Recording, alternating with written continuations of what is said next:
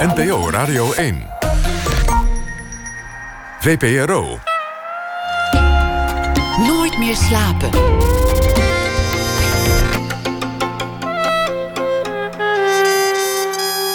Met Pieter van der Wielen.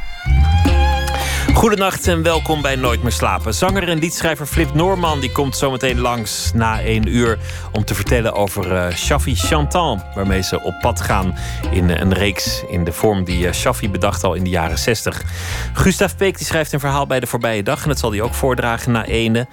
Mijn gast komend uur staat bekend als leugenaar, fantastvrouw, deur en oplichter. Diederik Stapel is psycholoog. In 2011 kwam aan het licht dat zijn wetenschappelijke loopbaan grotendeels was gebaseerd op verzonnen data. In zijn val sleurde hij promovendi en enkele collega's mee en deed de wetenschappelijke waakhonden ontwaken, die ineens en vaak ook ten onrechte overal fraude vermoeden. Stapel zelf werd ontslagen. Hij werd beschimd en raakte financieel aan lager wal. Hij werd een paria. Inmiddels werkt hij parttime in de verslavingszorg. En sinds eh, zijn val heeft hij al meerdere boeken geschreven. Ontsporing over zijn leven voor en na deze gebeurtenis. Zuchten een van binnenuit beschreven relaas over de depressie die volgde op uh, zijn ontmaskering. De Fictiefabriek, zijn correspondentie met schrijver Anton Doutsenberg. De twee zijn bevriend geraakt. En nu is er het boek Van Licht en Donker. Ooit, lang geleden, wilde Diederik Stapel regisseur worden of misschien wel acteur. Het was misschien een jongensdroom. De fantasie was er, dat kunnen we achteraf concluderen. En de liefde voor film die bleef altijd. Dit boek dat hij heeft geschreven samen met Doutsenberg gaat over de cinema. De kennis van beide auteurs over film is indrukwekkend. Het aantal films dat ze gezien hebben is haast onvoorstelbaar. En ze hebben ook uh, volgend op elkaar prachtige inzichten over wat cinema ons kan bieden in het leven. Hartelijk welkom, Diederik Stapel. Dankjewel. Leuk om hier te zijn. Ik, ik las een, een, een onderzoekje in de krant. En, en het is flauw te zeggen, dat moet je niet altijd geloven. Maar vooruit, ik las een onderzoekje in, in de krant. Dat een van, de, een van de ergste stressfactoren die je in je leven kunt hebben, is sociale uitsluiting. Verworpen worden door de groep. Ja, ja. Aan jou kan, ik het vragen. Hoe is dat?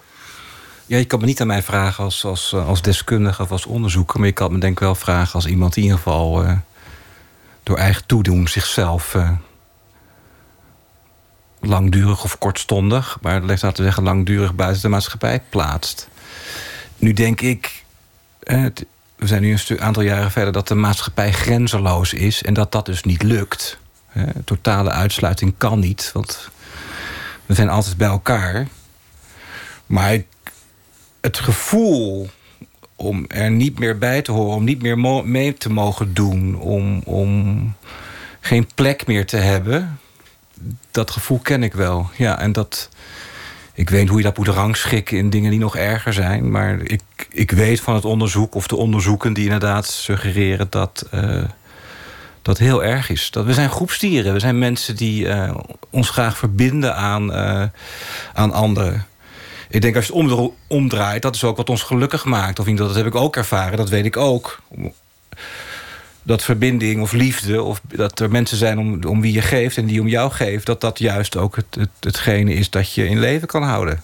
Ja, dat geloof ik wel. Was, was dat een vraag, het in, in leven houden? Was, is, zo. Is, ja. Nee, maar is, is dat in, in, in vragen geweest? Een, een wens om niet meer te leven? Is het zover gegaan? Ja, ja, ik vind het altijd een beetje dramatisch en pathetisch. Om, uh, ja, ja, maar dat is waar. Ja, daar ik niet omheen draaien, zeker. Ja.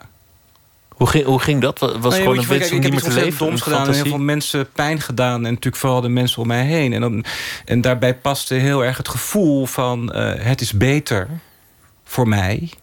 maar vooral voor de rest van de wereld... en ook voor mijn dierbaren... als ik er niet meer ben.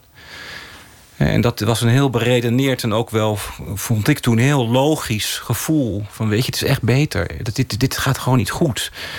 En dat gevoel, dat dat niet over mezelf ging, maar vooral om de anderen plezier te doen. Ja, dat is een, dat kan, dat is een heel sterk gevoel. En uh, van ja, weet je, het is gewoon handiger, beter, slimmer, voor iedereen het beste. Als ik er niet meer ben. Ik bijna, bijna sterven van schaamte. Schaamte, ja. ja.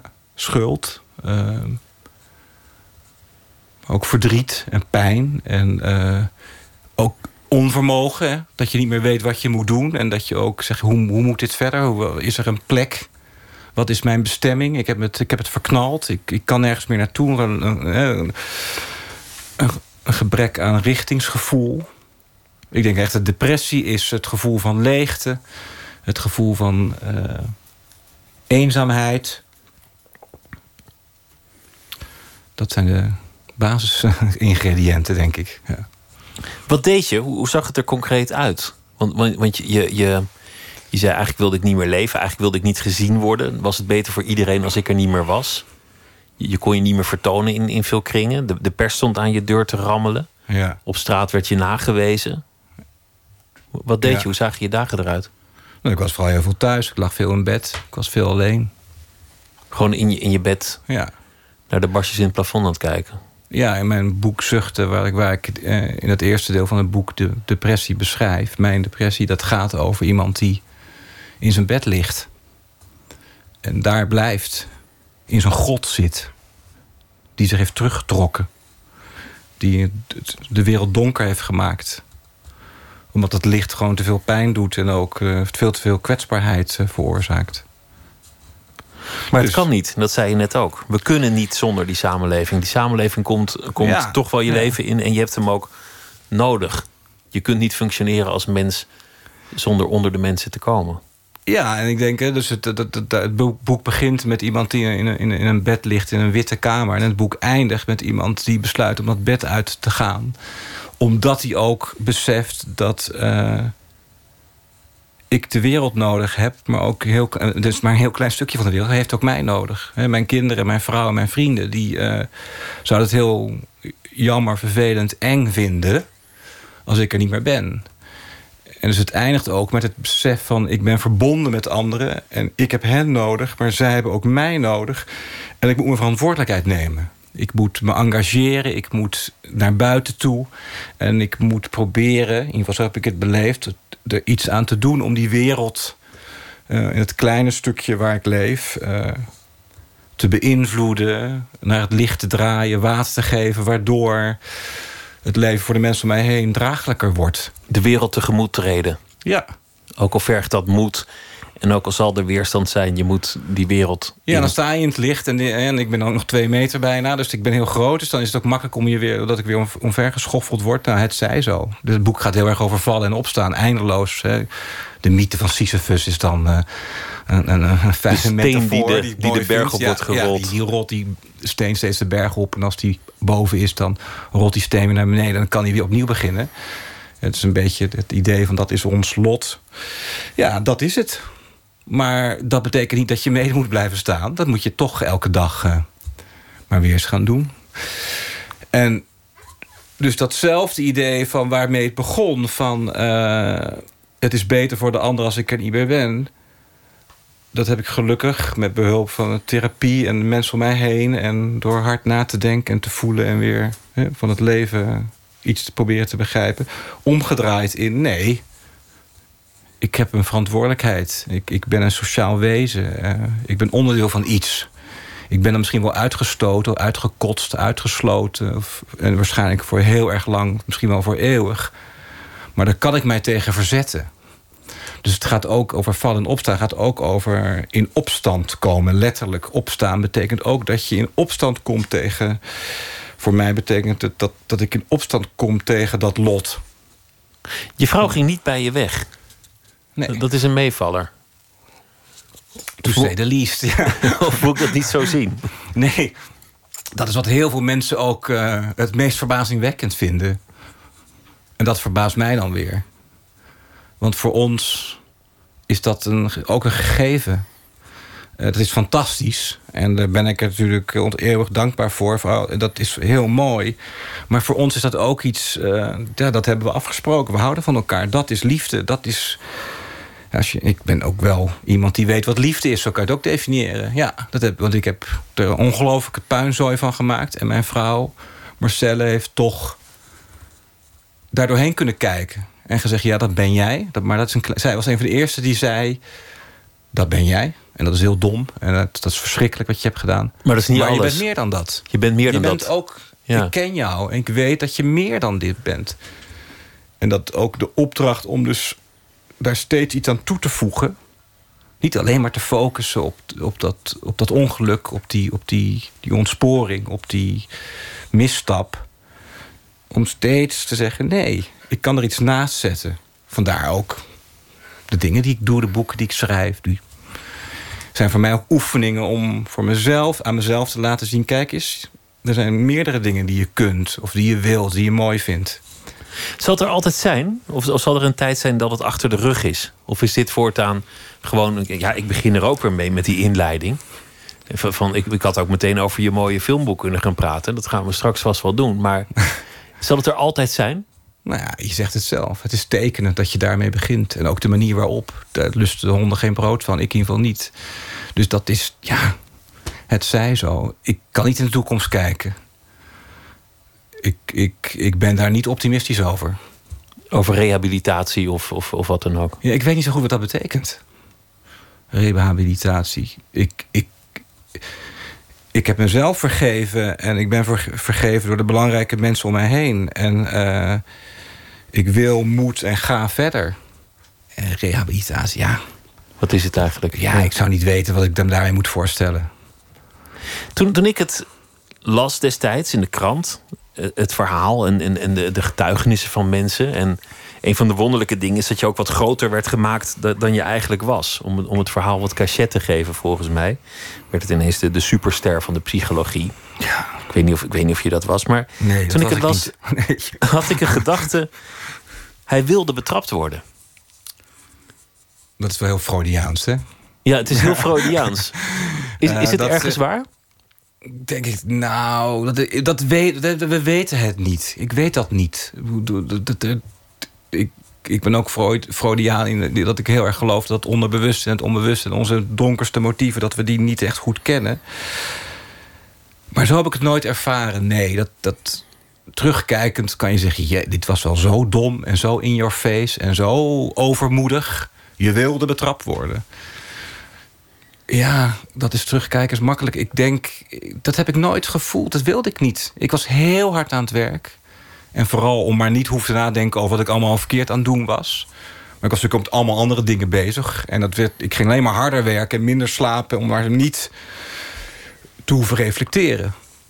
Dus alles wat lijkt op reflectie, zoals de gedachte...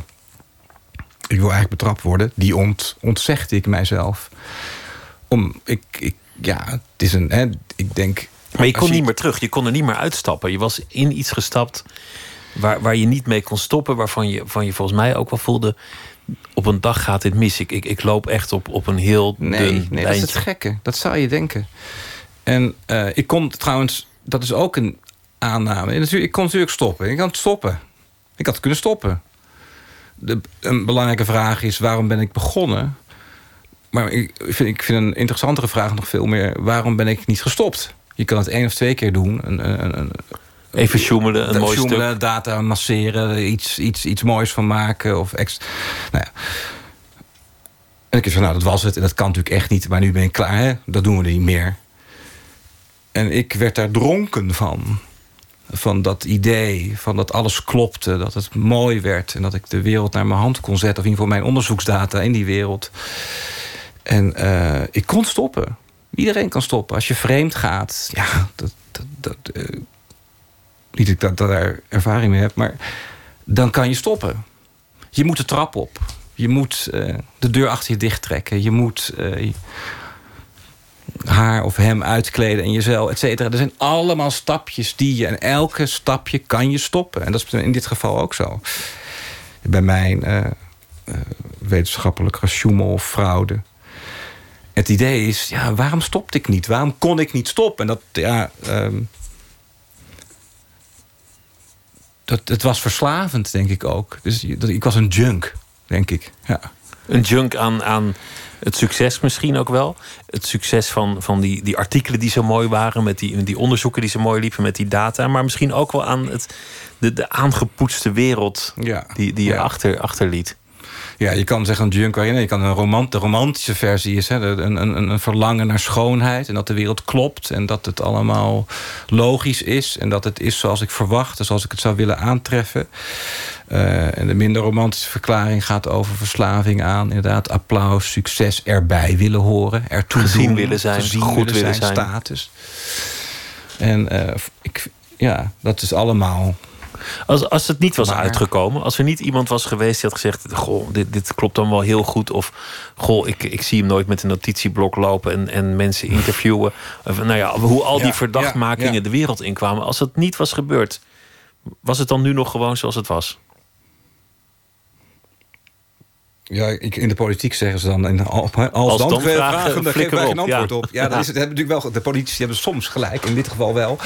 Ehm, we weten het niet. Ik denk dat ik dan was doorgegaan. Ik bedoel, ik geef geen sociaal wenselijk antwoord. Ik wil niet een, een antwoord dat mij, eh, voor mij aangenaam is. Ik vermoed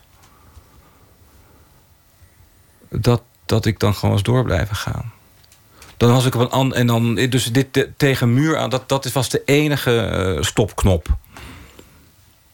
Ja, De botsing met de muur en die, die, die is gekomen. Ja, ja. Ruim vijf jaar geleden, vijf en een half jaar geleden. Ja.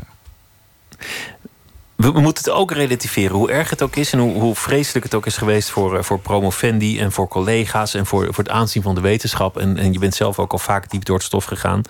De, de relativering is natuurlijk dat ja, het, het ging over een, een opgeruimd bureau, zet aan tot, tot eh, harder werken.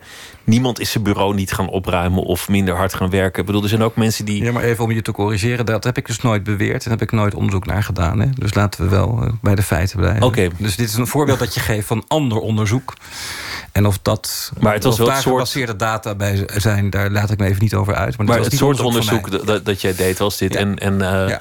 en de reden dat ik dat zeg is omdat dat er ook wel eens op mildere manier wordt gesjoemeld met medicijnonderzoek, wat veel kwalijker gevolgen heeft.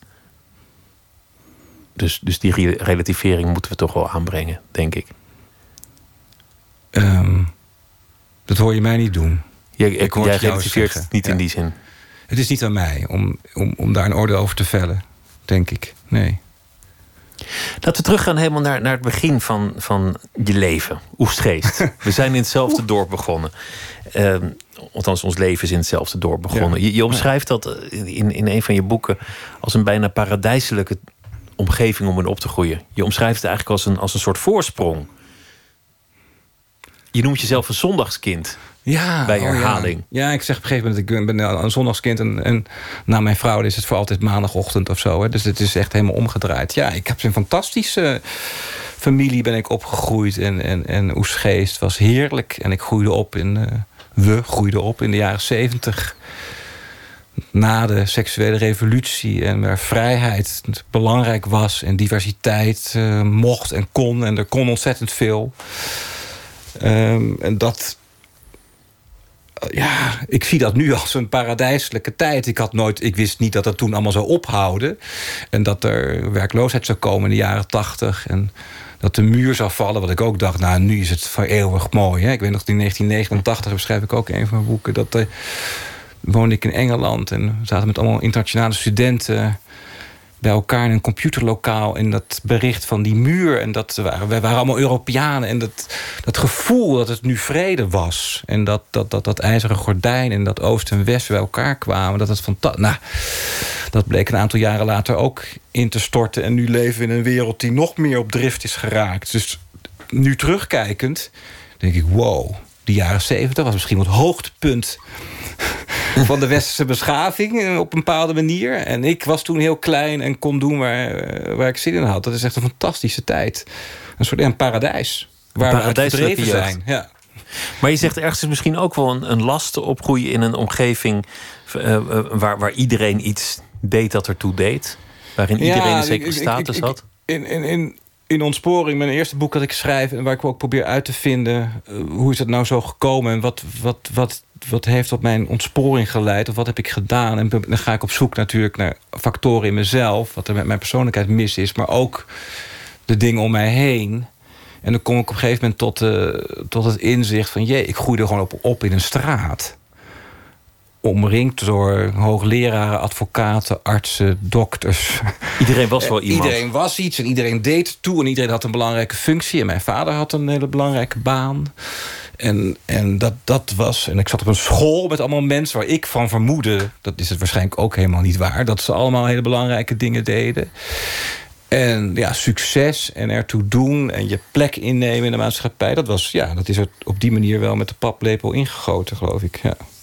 Sommige mensen zouden heel zelfverzekerd worden van zo'n, van zo'n opvoeding. Ja. Van, van ik kom uit, uit, een, uit een omgeving en ik ben grootgebracht met vertrouwen in een paradijselijk nest. Dus, dus Ja. dat je daar een soort zekerheid aan ontleent. Ja, ja dat, zou, dat zou logisch zijn. En in mijn geval zit daar dan iemand... Ik ben toch iemand, denk ik ook... Ik heb een, toch een nihilistische aanleg. En ik kan me ook heel goed herinneren als puber... dat ik in bed lag en dat ik waar, dacht... waar gaat dit over? Wat moet ik hier? Waar leidt dit toe? En waarom zijn we hier? En, wat is de zin van dit alles? En eh, wat moet ik nou? En... eh, ja, zeg maar de. Ik weet ook dat, ik, dat we Frans hadden op school, op de middelbare school. En dat vond ik vooral fantastisch, omdat ik les kreeg van mensen die dan vertelden over Camus en Sartre. Ik dacht, verdomme, die hebben gelijk, dat is waar, dat vind ik ook, dat voel ik ook. Dat heb ik een hele tijd weggedrukt, dat gevoel. Want ik ben heel hard gaan werken. En nu, hè, sinds mijn val, zijn dat ook de, weer de boeken en de mensen die ik ben gaan lezen. Omdat we daar, we hadden het net over Sisyphus, hè, dat is natuurlijk een belangrijke metafoor in het werk van eh, Camus. De zinloosheid van het leven. Ja, dat, ik, dat, dat, dat resoneert echt met mij. Dat voel ik me... En wat ik het mooie vind, wat natuurlijk het mooie is van die existen- existentialistische filosofie, zover ik daar ook maar iets van begrijp, is dat dat absurditeit of die, die, die conclusie is niet het einde, maar het is het begin, hè, zeggen ze. Het is het begin van. En daarom moet je je verantwoordelijkheid nemen en moet je hè, bewust worden van het feit dat jij nu, wat ik net ook zei, in opstand, dat je op kan staan en dat je je eigen weg moet bewandelen. Je moet die wereld tegemoet treden. Je moet dat Ja. leven aangaan, ook al is het zinloos.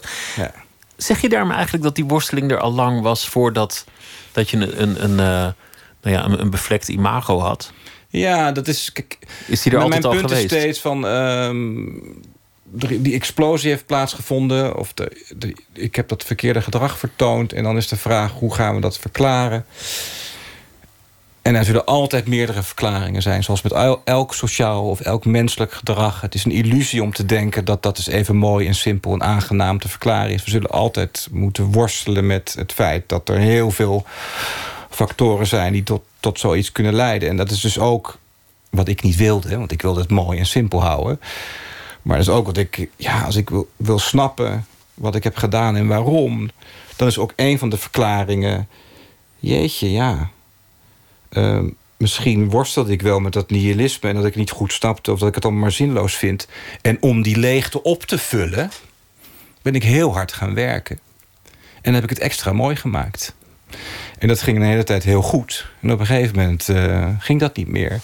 Dus dat harde werken, dat, dat, dat elke dag maar met je werk bezig zijn... en ook met iets heel moois, hè. psychologie, wetenschap is natuurlijk iets... eh, waar ook vragen en antwoorden centraal staan. In de hoop om die vraag te beantwoorden die ik heb. En dat, Maakte dat je ook een twijfelaar? Dat, dat je eigenlijk niet wist wat je, wat je wilde? ja, ontzettend. Als, ja. als kind, als tiener? Ja.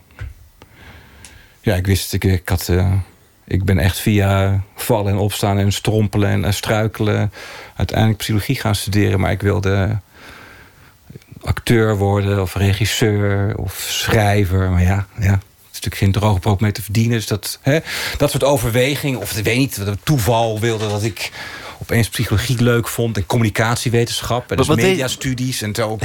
deed ik van alles. Ja. Wat deed je ervan afzien? Want, want het, het was volgens mij achteraf gezien... we- weet je nu eh, een wa- wat serieuzere liefde da- dan, dan je had vermoed. Het, het acteren, het, ja, het schrijven, ja. de, de wereld van, van de fictie en de fantasie. Ja, maar ik wilde ook goed zijn. En ik volgens mij, ik, ik, ik vond mezelf niet een goede ik, acteur. Ik was niet goed genoeg. Ik dacht, je? ja, dan ga ik, ja. Dus dat, is, dat, dat presteren, dat, dat is een heel belangrijke evalua- evaluatiedimensie, evaluatiedimensie geweest voor mij altijd. Van, denk ik, terugkijkend. Terwijl misschien had ik het gewoon moeten doen. Dan had ik misschien leuk inderdaad uh, toneelles kunnen geven op een school of wat dan ook. Een prachtig vak natuurlijk. Maar ik wilde ook daarin dan excelleren, denk ik. En, en, en ik dacht, ja, dat gaat niet lukken. Ik ben geen Robert De Niro. Nee, natuurlijk niet. Maar dat was toch wel een beetje... Dan wil ik ook wel heel goed zijn. Dan wil ik zo goed als Pierre Bokma zijn. Of dat soort, dat soort overwegingen had ik denk ik wel. Ja. Het moest of heel goed zijn of helemaal niet. Ja. Dus, dus je, je, ja, het risico was dan heel groot. Van jeetje, poel en hoe moet... Ja, in de jaren tachtig was natuurlijk... werkloosheid was groot. En hoe gaat dat dan? Ik wilde ook geen uitkering. Dat hoort ook niet.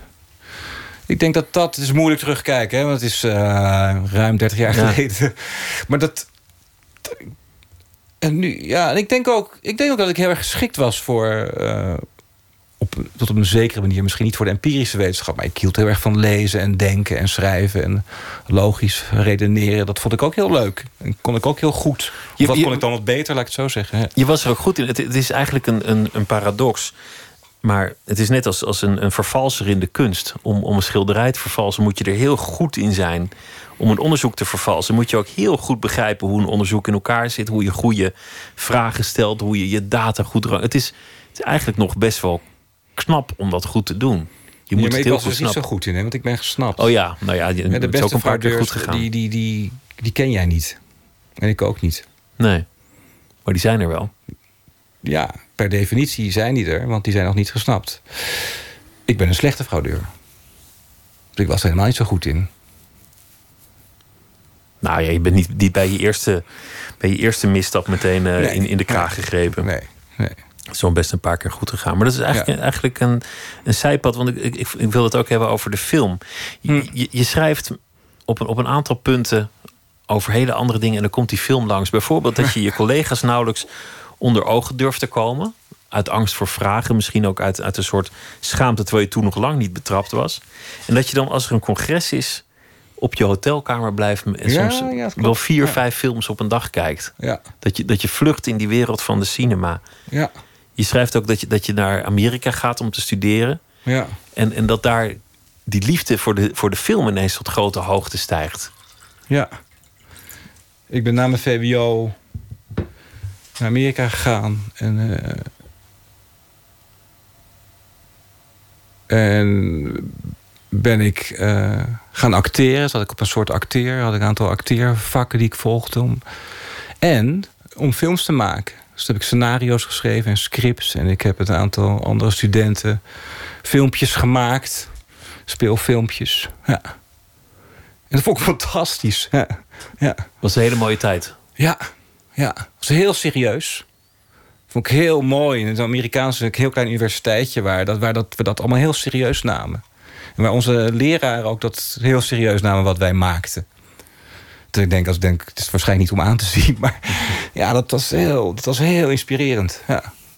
Maar ik weet, ik zeker, en ik heb toen heel veel geacteerd... en ook toneelstukken gespeeld. En toen merkte ik wel dat dat lichamelijke met jezelf bezig zijn... en ik, mijn uitspraak is niet heel erg goed. Ik slik woorden in. Dus ik werd er het maar op gecorrigeerd. En ik dacht, ja, dit is, dit, ik wil ook gewoon lezen en studeren. Ik wil ook gewoon, ik wil niet mijn hele leven alleen maar met mezelf, met het lichaam en die mislukte stem wil ik niet bezig zijn.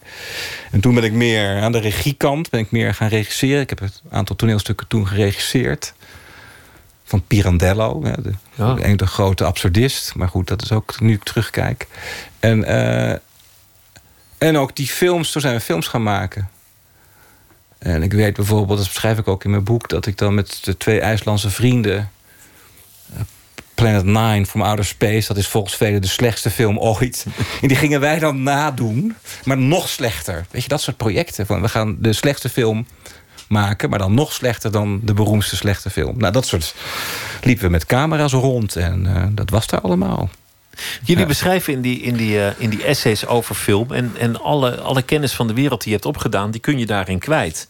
Want je hebt natuurlijk ontzettend veel gelezen over psychologie. Ja, je weet natuurlijk heel veel van, van uh, de menselijke aard. Je interesseert je voor filosofie en cultuur. En, en op, een heel, op een heel vrolijke, heel verlichte manier. Je hoeft niet, niet het, uh, het, het wereldraadsel op te lossen... of je hoeft niet te scoren met de ultieme waarheid of wat dan ook. Maar, maar, maar laat je die kennis gewoon gelden met een soort vrolijkheid door naar die films te kijken.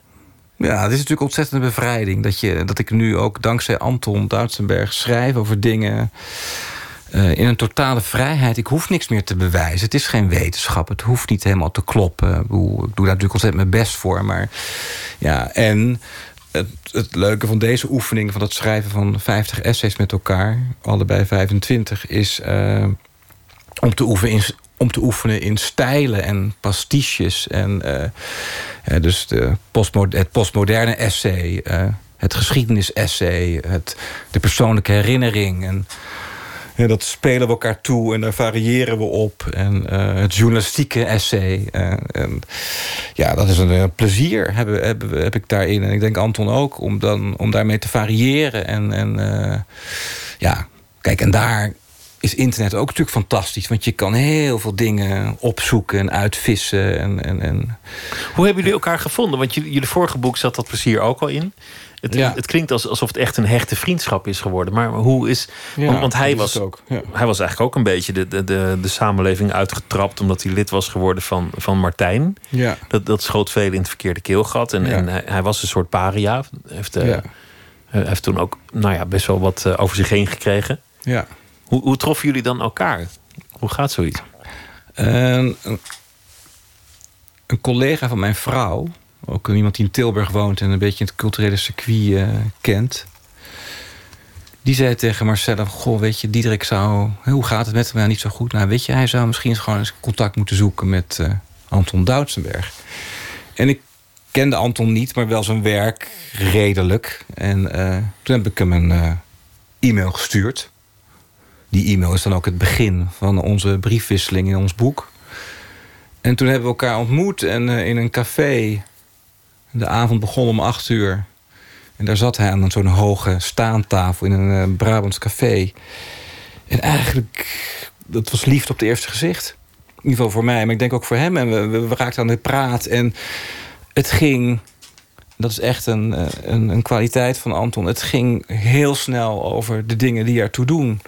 Natuurlijk ging het even over de fraude en wat ik nou moest doen. En wat nou wijsheid was en hoe met de media om te gaan. Maar dat duurde drie minuten en vervolgens hebben we over van alles en nog wat gepraat. En ik geloof dat ik om half acht ochtends uh, weer thuis was. Ja. En dat was het begin van een vriendschap. Ik vind ook een mooi beeld. Twee, twee paria's aan de bar die het over wezenlijke dingen hebben. Ja, ja. Ik denk...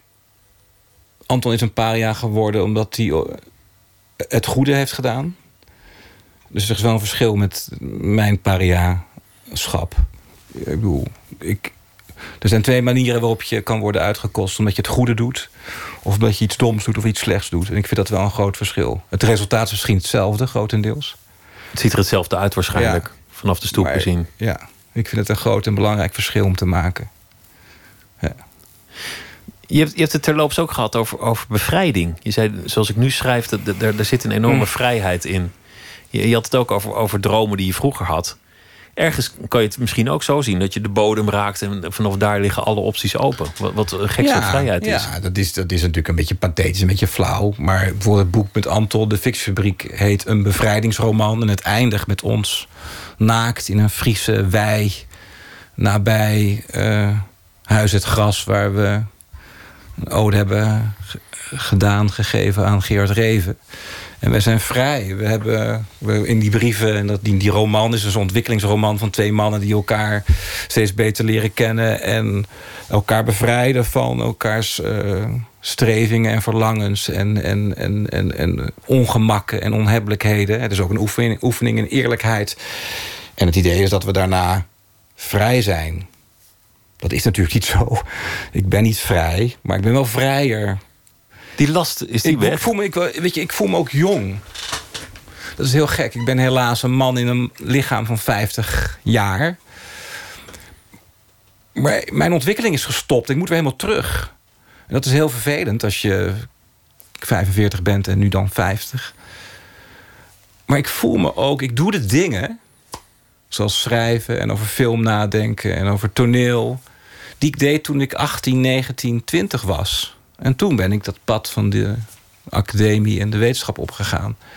Maar ik ben dus weer terug, 30 jaar terug in de tijd. En dat maakt me ook dat ik heb het gevoel dat ik heel jong ben. wat dat betreft. Het geld was Ja. ook ineens weg. Je moest de Ja. werkster er, eh, eh, ontslaan. Je moest de, de abonnementen opzeggen. Je, moet, je moest ineens weer leven als een, als een student of misschien nog wel Nou, armer dan dat, dat. moet- moeten we, nee, dat moeten, dat moeten we niet groter maken dan het is. Maar je moet je voorstellen dat ik een heel erg mooi salaris had en dat is weg. En daardoor hebben we ons in de extreme, je moet het meer zien als extreme luxe, naar een gewoner leven. Wel met lasten en zorgen, omdat we natuurlijk verplichtingen aan zijn gegaan in dat vorige leven, zoals hypotheek, et cetera. Maar ik vind ook ik wil daar echt niet te veel nadruk op leggen. Dit is Nederland en het is hier goed geregeld. En mijn vrouw werkt heel erg hard. En is eh, kostwinnaar. En eh, wij leven nog steeds een geweldig en goed leven. Maar het is echt wel... Voor mij was het ook heel erg wennen. En dat beschrijf ik ook in dat eerste boek. Nu denk ik, jeetje man. Je was ook al een luxe paard. En dat je dat allemaal zo erg vond dat je dat kwijtraakte. Dat is nou misschien wel een terechte straf. Dat je wat, wat, wat, wat realistischer wordt en wat, wat minder verwend. Ja. Ik heb steeds een beetje de neiging te relativeren. En ik merk dat jij dat steeds afstraft. Van, eh, van, van, je bent wel streng voor jezelf. Dat valt denk ik ook onder verantwoordelijkheid. ja, en ik denk ook... Het is niet aan mij om te relativeren. Eh, Nee. Wat dit betreft. Nee, misschien ook niet. Als dit, eh, ja, dat, vind- dat is niet... Ja, dat is voor iedereen. Hm. Heeft daar een rol in, denk ik. Als, dit een, eh, als het een film was, hè, als, als ze jouw leven zouden verfilmen, dan zou je dat op heel veel manieren kunnen. Want ja, je schrijft over al die films die je gezien hebt.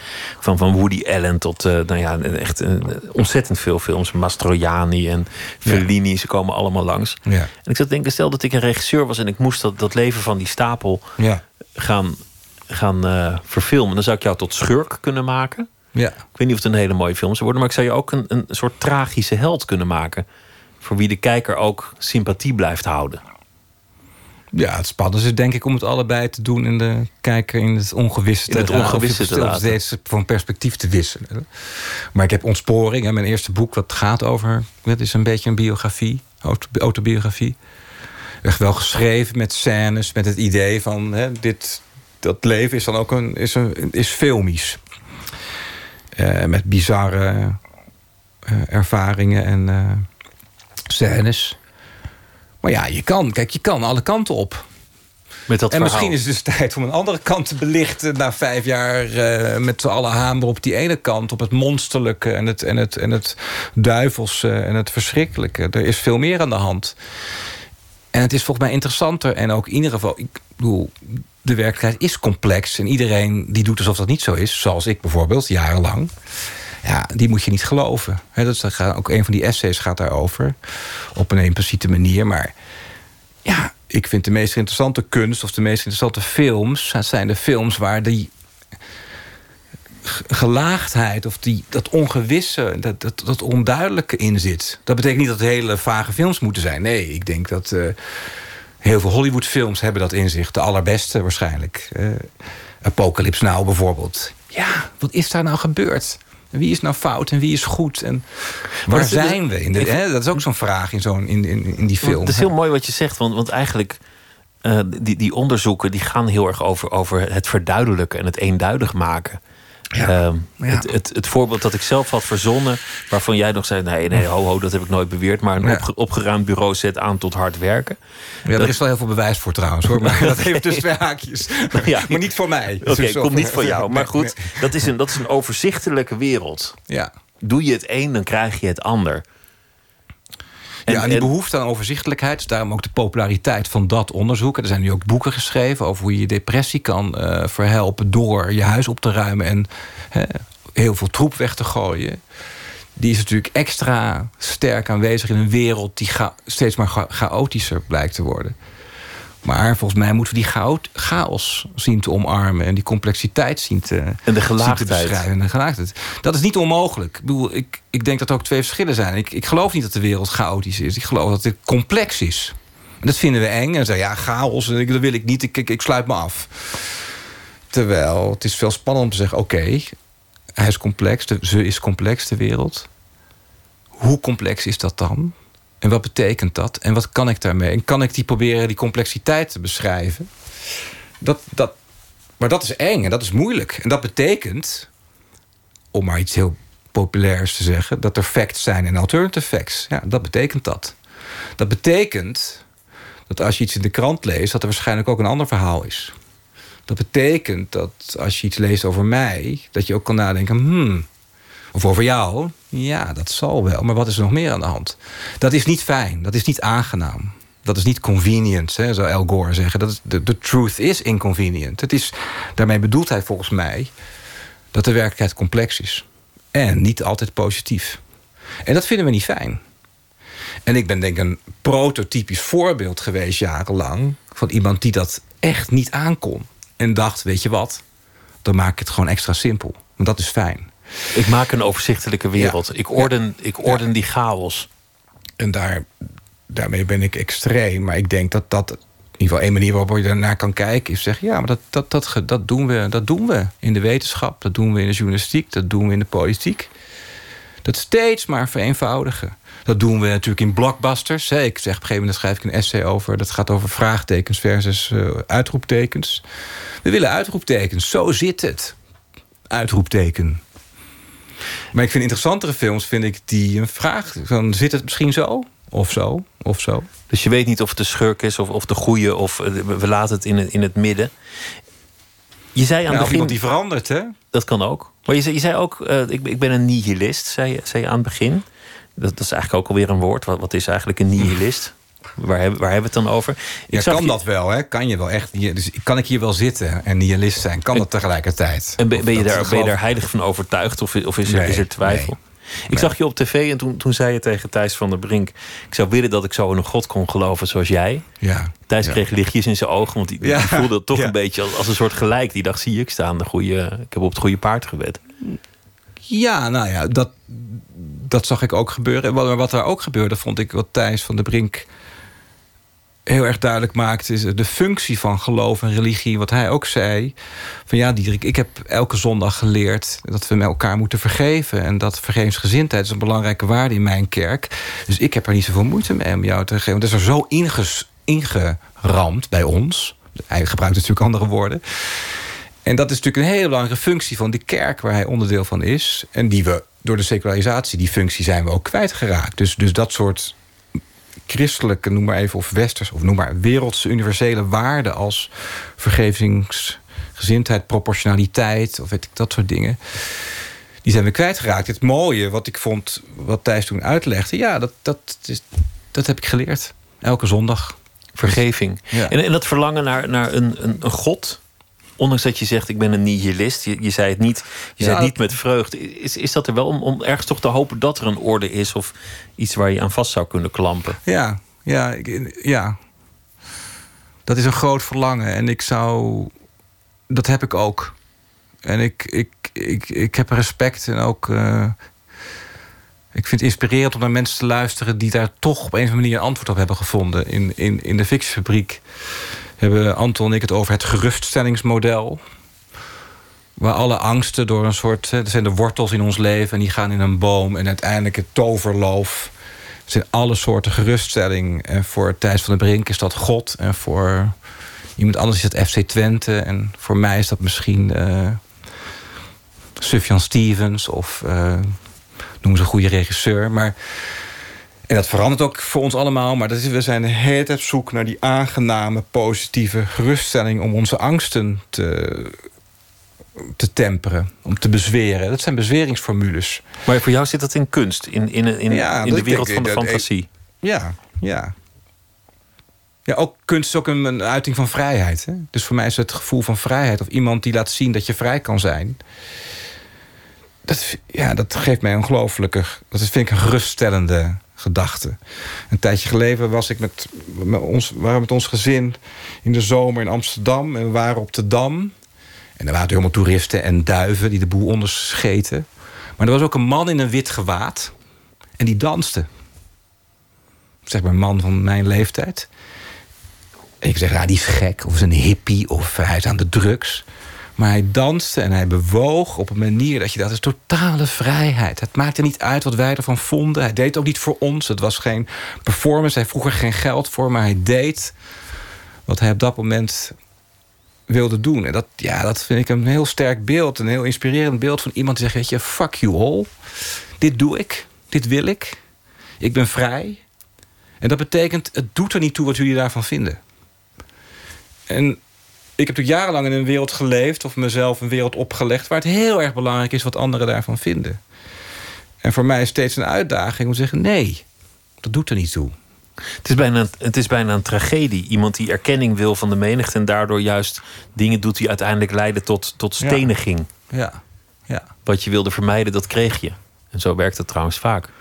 Ja, ik denk als je op zoek bent naar succes of naar geloofwaardigheid... of naar bezig bent met je imago, je, hoe je overkomt...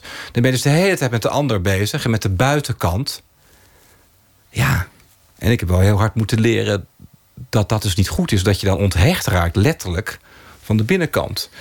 Dus ook bedrijven die het maar bezig met hun imago en reputatie. Ik denk dat op een gegeven moment gaat dat mis. Want je moet gewoon iets maken of ergens in geloven. Het gaat om die binnenkant. Dus echte geloofwaardigheid wordt veroorzaakt omdat je ergens in gelooft. Niet omdat je op een geloofwaardige manier overkomt. Maar het, het, het, was een periode. We hadden, we hadden fraude in, in hypotheken, in, in bedrijven, in de politiek, in de, in de rock'n'roll. Stond iemand een liedje te zingen op tv, bleek die helemaal niet te kunnen zingen. Was het een fotomodel. Het ging maar door. Het leek wel een, een bowlingbaan van gespatte verwachtingen. En ja, voor velen was denk ik de wetenschap een soort sokkel. Misschien dat daar ook die, die woede vandaan komt. Ja, ja dat denk ik ook. Ja. Dat was ook een soort kerk. Nog steeds, ja. Dat is onze nieuwe religie. Dat zijn de hoge priesters die ons komen vertellen dat alles goed komt.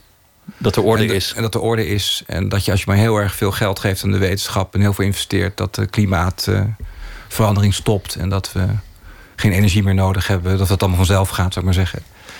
Ja, ik denk dat dat, dat een spannende, fascinerende... en niet per se geruststellende ontwikkeling is. Dat, dat de wetenschap, die begon als anti-religie als, als, een, als kritiek op het religieuze denken, zeg maar de verlichting, dat dat nu in sommige aspecten verworden is tot iets heel religieus. Waar tegenspraak en kritiek en, en perspectiefwisseling uh, niet meer welkom is. Een gewijde omgeving is het. Een gewijde omgeving, ja. Waar je naar mensen moet luisteren omdat ze gelijk hebben. En als je jong bent en niet gestudeerd hebt... Uh, er niet toe doet. Of hè, om maar wat zijstraat te noemen. Ja. Nou ja, het, heeft ook veel goeds gebracht, de wetenschap. Oh, bedoel, ja, zeker, zeker. Jij en ik waren zonder wetenschap lang dood geweest, vermoedelijk, in een, in een andere tijd. Dus uh, we moeten er ook wel, weer, ook wel weer blij mee zijn. Je vrouw zag als eerste iets wat jij zelf op dat moment niet meer zag, namelijk je bent meer dan dat. Dit is het niet. Dit is niet jouw leven, dit is niet jouw hele verhaal, dit is niet jouw hele persoonlijkheid. En jij zei dat is liefde. Ik weet niet of ik dat zei, maar zei ik dat? Oké. Ja, volgens mij wel. Of misschien heb nou, ik, ik heb dat er... liefde leren kennen omdat zij in de donkerste momenten en dat ik uh, ontspoord was, onthecht was, toch voor mij bleef houden en toch die persoon herkende waar ze ooit verliefd op geworden was en mij dat ook weer en mij die persoon ook weer heeft leren zien.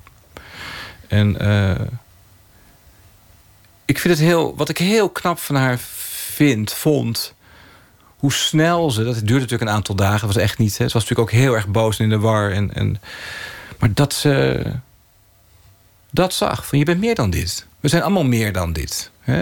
Zij heeft ook fouten gemaakt, of ze heeft ook dingen gedaan. waar je denkt, nou, is dat nou slim? Maar ze is meer dan dat. En dat, dat ik werk nu in de verslavingszorg, in een kliniek waar mensen binnenkomen die heel erg verslaafd zijn en hun leven natuurlijk hebben vergooid. En het idee dat ze meer zijn dan je verslaving. Of dat je verslaving onderdeel van jezelf. Maar jij hebt, je bent jezelf en je hebt je verslaving. En je bent heel veel andere dingen nog. Dat is denk ik een hele reinigende en, en, en, en inspirerende, motiverende manier om naar jezelf te kijken. Je bent iets, maar je kan ook iets anders zijn. Ik kan mijn, mijn stigma, mijn, mijn fout, kan ik niet. Ik zou dat heel graag willen. Dat heb ik ook heel lang geprobeerd. En soms probeer ik het nog even kijken of het kan. Nee, dat kan niet. Dus ik zal er echt iets naast moeten zetten. Steeds maar weer. Zijn er alweer momenten dat je, dat je, dat je trots bent? Dat je de wereld tegemoet treedt en met, met, met vreugde, met plezier? Dat je, dat je in de spiegel kijkt en denkt... Uh, gaat lekker. Ik ben heel trots op uh, bijvoorbeeld het boek dat ik met Anton nu heb gemaakt. Ik vind het, dat het goed gelukt is. Uh, natuurlijk is het niet perfect. En het kan natuurlijk altijd beter. Maar ik ben daar heel trots op. Ik vind dat ze iets heel moois hebben gemaakt. Als ik het weer herlees, dan krijg ik gewoon plezier. Ik vind het leuk dat we het hebben gemaakt. Dat het is gelukt. Dat plezier kwam ook bij mij terecht als, als lezer. Oké. Dat plezier straalde er vanaf. Ja, ik, ik, ik, ik eh, geniet daar heel erg van. Daar ben ik trots op. Dat ik de, de dingen die ik maak, hoe klein ze ook zijn... en, en hoe eh, tijdig, en, hoe heet dat? Vluchtig ze ook zullen zijn. Ik vind het, vind het fijn. Ja. Ik vind, ik vind een van de mooie dingen aan, aan cinema, en dat is, dat is het thema wat, wat vaak terugkomt, is dat het je anders leert kijken. Je, je stapt even uit je eigen wereld, je stapt in een, in een wereld die iemand heeft bedacht met personages en, en Ja. hun ontwikkelingen. En die manier van kijken neem je toch mee als, je, als het dicht weer aangaat en je uit die zaal stapt. Ja. Ook al gaan we er naartoe om, eh, om ons te vermaken, om ons te verpozen. We gaan er niet met heel verheven bedoelingen die zaal in, volgens mij. Meestal niet. Soms wel natuurlijk. Omdat je denkt, wow, dit wordt een hele ingewikkelde, moeilijke, eh, aparte film. Maar meestal komen we daar om ons te laten verrassen. Of nou, mijn punt is dat meestal weten we, we hebben vermoedens en verwachtingen over wat we gaan zien. En we kennen de filmposter, we hebben een recensie gelezen of we kennen de regisseur. Dus we gaan daar met vooroordelen en verwachtingen naartoe. En ik schrijf ook in een van de essays dat ik een keer naar een film ging en toevallig ergens terecht kwam wat de andere film vol was. Dat ik dus helemaal niet wist wat ik aan het kijken was. En dat was eigenlijk een van de meest heftige of mooiste filmervaringen die ik heb gehad. Want die film was zo goed. En ik wist geen idee, ik had geen idee wat ik ging zien. En eh, ja, dan is het een extra eh, spannende tijd die je dan doorbrengt in het donker. Ja. Omdat alles mogelijk is. Ja, alles is dan mogelijk, ja. En dat is natuurlijk het mooie van film versus theater. In principe is alles mogelijk. Hè? En zeker nu. Eh, Anton schrijft ook veel over computer-generated images. En hoe erg dat is. En hoe goed je kan zien dat dat nep is. En het, gaat vaak ook in het boek over het verschil als alles mogelijk is, is dat nou wel zo aangenaam? Want moeten, die beperkingen... Hè, zijn er niet eh, nou de beperking van dat moet realistisch zijn... of de beperking van dat moet wel over spoken gaan... zijn dat niet juist de dingen die tot eh, veel meer eh, kunstzinnige oplossingen leiden? Ik zou je zo een baan aanbieden als ik er tot mijn beschikking had als filmrecensent trouwens. Dat, dat, dat zou je volgens mij hartstikke goed doen. Nou, dankjewel. Ik, Ja, hou me ja, aan- ik heb, ben op zoek naar werk, dus ik hou Je me bent. Ja. Ieder, ieder baantje Zegt is, het eh, voort. Zegt het voort. Ja. We hebben hier eh, Diederik Stapel en die, eh, die, die heeft tijd en, zin. tijd. Ik heb heel en, veel eh, te zien. En, en hij houdt van film. En eh, nou ja, als iemand eh, iem- iets van hem weet. Die, die complexe wereld tegemoet treden. Niet zoeken naar het overzichtelijke. Aanvaarden dat het gelaagd is. In die leegte kijken. Zien dat het leven zinloos is. En toch je verantwoordelijkheid nemen. Het tegemoet treden. Jij zegt uiteindelijk vind ik dat in, in, in de kunst. Dat is waar ik het vandaan haal. Ja. Dat, dat is waardoor ik dat Dat uiteindelijk inspireert kan. mij. Dat zijn mensen die iets heel aparts, die, die in alle vrijheid ook zijn opgestaan, of hoe je het ook wil noemen. Ja, als kunst mij aanspreekt, gaat het vaak daarover. Iemand doet iets heel geks, iets heel bijzonders. Iemand durft. Ik denk dat we zeker nu in een maatschappij leven waar heel veel angst is, waar mensen heel erg bang zijn, waar, ze, waar er veel onzekerheid is. Als je dan durft om positie te nemen, om ergens voor op te staan, wat natuurlijk ook Anton Doutsenberg doet in, in zijn werk, in zijn boek. Ja, dat vind ik heel inspirerend en heel knap. Eh, dus ik hou ook heel erg van geëngageerde kunst, van politiek theater, politieke films. Waar positie wordt genomen, waar iemand zegt: hier sta ik. En hier sta ik voor, en hier sta ik achter, en hier sta ik naast. En dat wil ik nu aan jullie laten zien. En kom maar op met jullie kritiek, of kom maar op met wat je hiervan vindt. Dus ook hè, de kunst die uitnodigt tot dialoog. Van, nou, niet van ik, ik zeg iets en ik ren heel snel weer weg. Nee, ik zeg iets. En dat is ook wat ik probeer te doen. Ik zeg iets en ik blijf staan. En je mag me alles vragen. En je kan er iets van vinden. Maar laten we het wel over de inhoud hebben. En niet over allemaal randverschijnselen. Ja, ik vind eh, dat, dat soort kunst... en die kan allerlei vormen hebben... want dat kan je op allemaal verschillende manieren doen... dat vind ik heel inspirerend. En dat is ook het fijne van dat ik ben opgegroeid in Oesgeest... en ook in een gezin waar heel veel waar we heel veel naar musea moesten en naar kerken en naar concerten. En dat vond ik niet altijd even leuk, maar ik ben nu wel heel erg dankbaar dat. eh, mijn moeder kan heel goed kijken. We gingen heel vaak samen met z'n tweeën naar het museum. En dan zag zij dingen die ik helemaal niet had opgemerkt. Dus dat leren kijken heb ik ook echt van haar. eh, en mijn zus is kunstenares en heeft kunstacademie gedaan. Heb ik van hen geleerd geloof ik, van dat je goed moet kijken. Ook als je iets maakt, als je, ik teken zelf en ik ben geen goede schilder, maar ik teken graag. Eerst maar eens kijken en kijken wat je wil maken, of kijken hoe, hoe de wereld in elkaar zit, om dat dan op papier te, papier te zetten. Ja, dat vind ik. Uh, dat heb ik volgens mij ook in Oesgeest geleerd. nee, ja, dus volgens mij de, de, de, mooiste levensles die je kunt leren. Kijken en luisteren. Ja, dat, dat is waar, waar alles begint.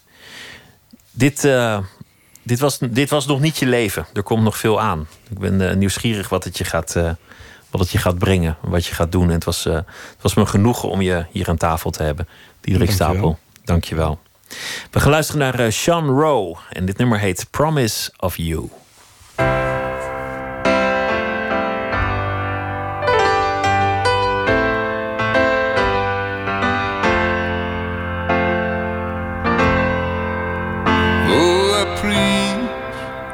To the choir. I'm so lonely, lonely, lonely.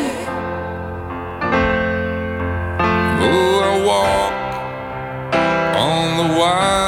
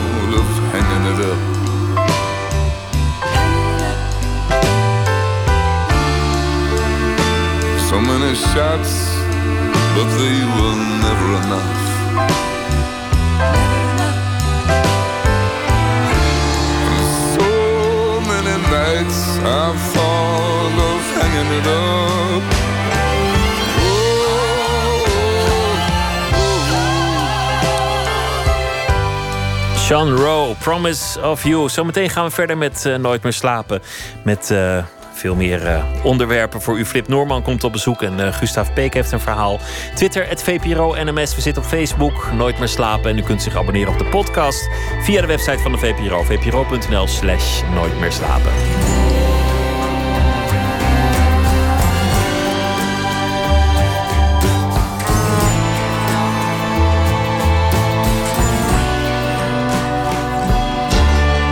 Radio 1, het nieuws van alle kanten.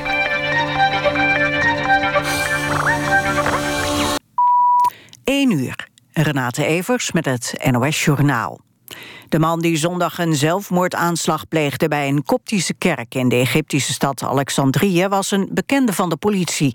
Volgens het Egyptische ministerie van Binnenlandse Zaken had de man van 31 banden met militante organisaties die eerder aanslagen pleegden in Egypte. Bij de aanslag kwamen 17 mensen om het leven. Eerder die ochtend ontplofte ook in de stad Tanta een bom in een koptische kerk waarbij tientallen doden vielen. De identiteit van die aanslagpleger is nog niet bekend. Beide aanslagen zijn opgeëist door terreurgroep IS. Rusland heeft, zoals verwacht, een veto uitgesproken over een VN-resolutie over de gifgasaanval in Syrië. De Russen weigeren het een gifgasaanval te noemen en zeggen dat president Assad helemaal geen chemische wapens meer heeft. China, die ook goede banden heeft met Syrië, onthield zich van stemming. In de resolutie werd de aanval scherp veroordeeld en werd het regime in Syrië opgeroepen mee te werken aan een onafhankelijk onderzoek. Inmiddels staat vrijwel vast dat bij de aanval in de provincie Idlib sarin is gebruikt. Een jongen van acht uit de Amerikaanse staat Ohio... is in de bus van zijn vader naar een McDonald's gereden... omdat hij zo'n zin had in een cheeseburger. De vader was volgens lokale media vroeg naar bed gegaan na een dag werken. Toen ook de moeder op de bank in slaap viel... besloot de jongen zelf maar eten te gaan halen. Hij stapte samen met zijn zusje van vier in de bestelbus van zijn vader... en reed zo'n anderhalve kilometer naar het fastfoodrestaurant. Daarbij hield hij zich keurig aan alle verkeersregels. Later zei de achtjarige tegen de politie dat hij had leren autorijden... door het kijken naar YouTube-filmpjes. Het weer, vooral in het zuiden nog wat regen. Het wordt vannacht ongeveer 7 graden. Overdag wisselen wolken en zon elkaar af. Het wordt dan een graad of 11. In het noorden is er kans op een bui. Dit was het NOS Journaal. NPO Radio 1. VPRO. Nooit meer slapen.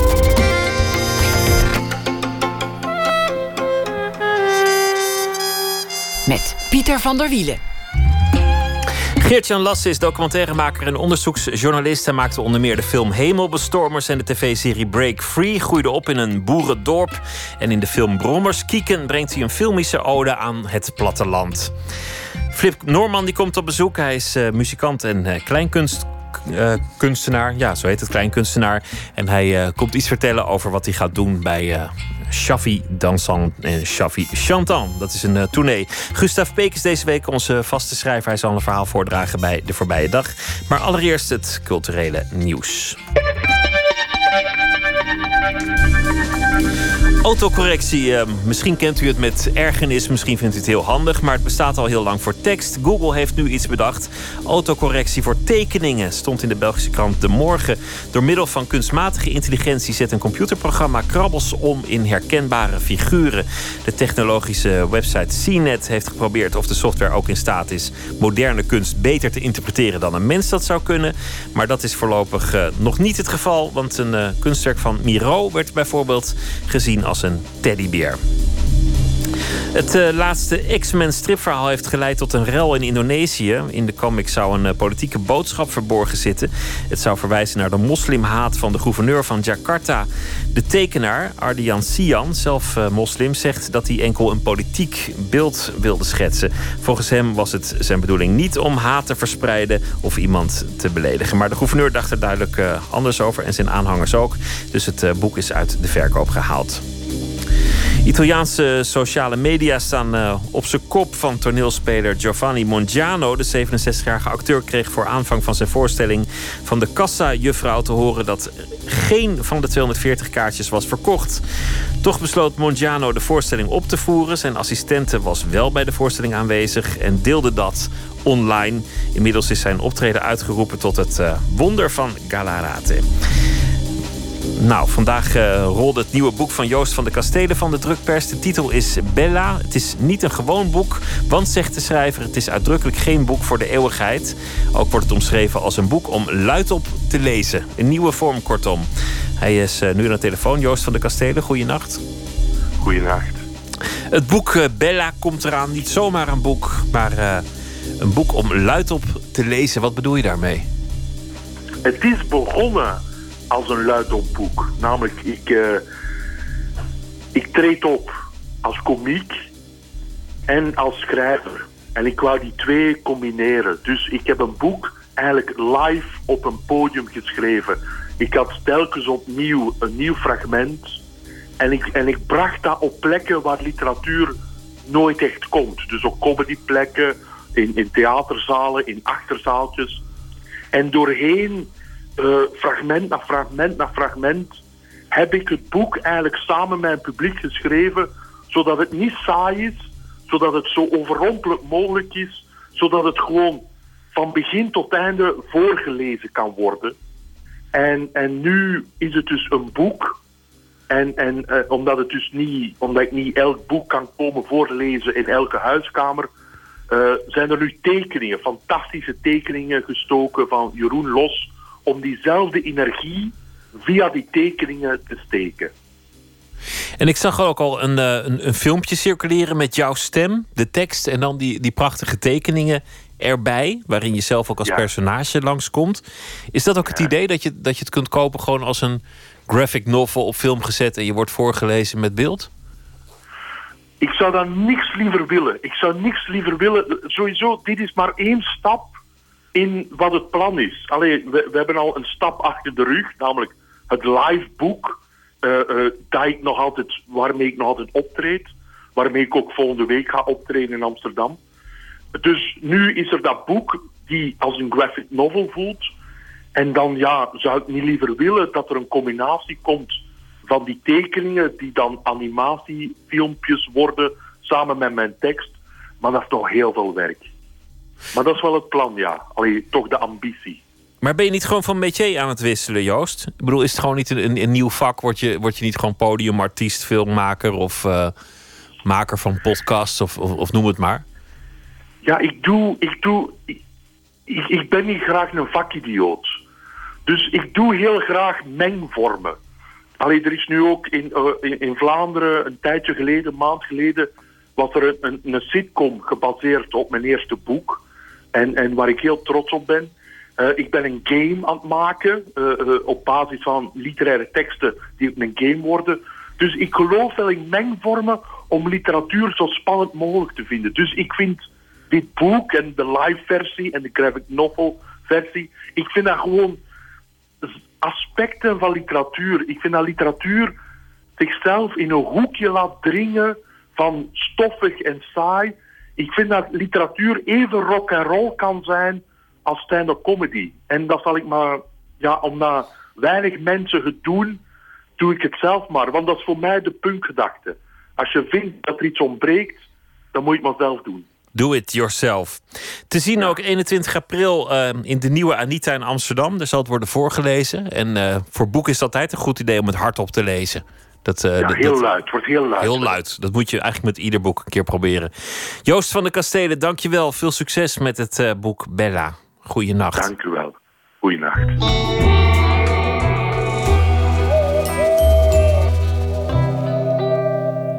Michael Cronin komt uit Californië. Het nummer I Don't Mind was sinds 2014 alleen op vinyl te vinden.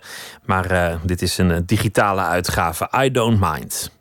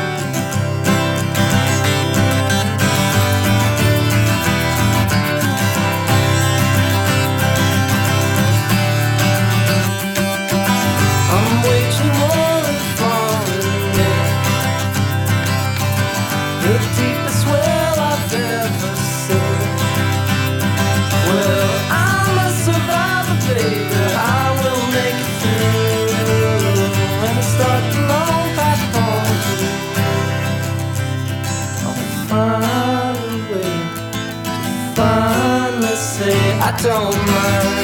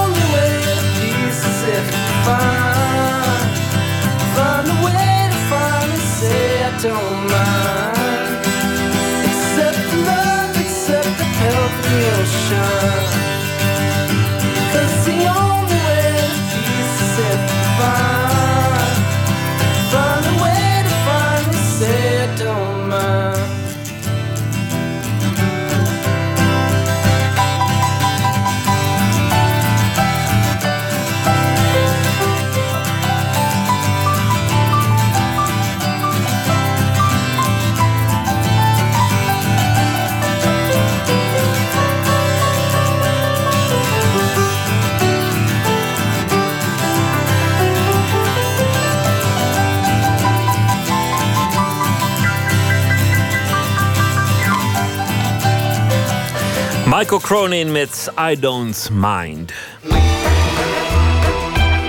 Nooit meer slapen. Hoe is het om als jongere op te groeien op het platteland? Dat is een eh, vraag waar Geert-Jan Lasse antwoord op geeft in een documentaire. Brommers kieken. Van jaarwisseling tot jaarwisseling volgt hij twee vriendengroepen uit Overijssel. Onze verslaggever Nicole Terborg ging op bezoek bij de regisseur. We zijn hier wat nuchterder volgens mij. Gewoon normaler, meer met de, de voet naar de grond, niet zo grote bek, niet zo wat schreeuwen. Genoeg geluld, daar zijn ze hier niet van. We gaan gewoon kijken en beginnen met het laatste en eerste feest van het jaar. Hier op het platteland. Oud en nieuw.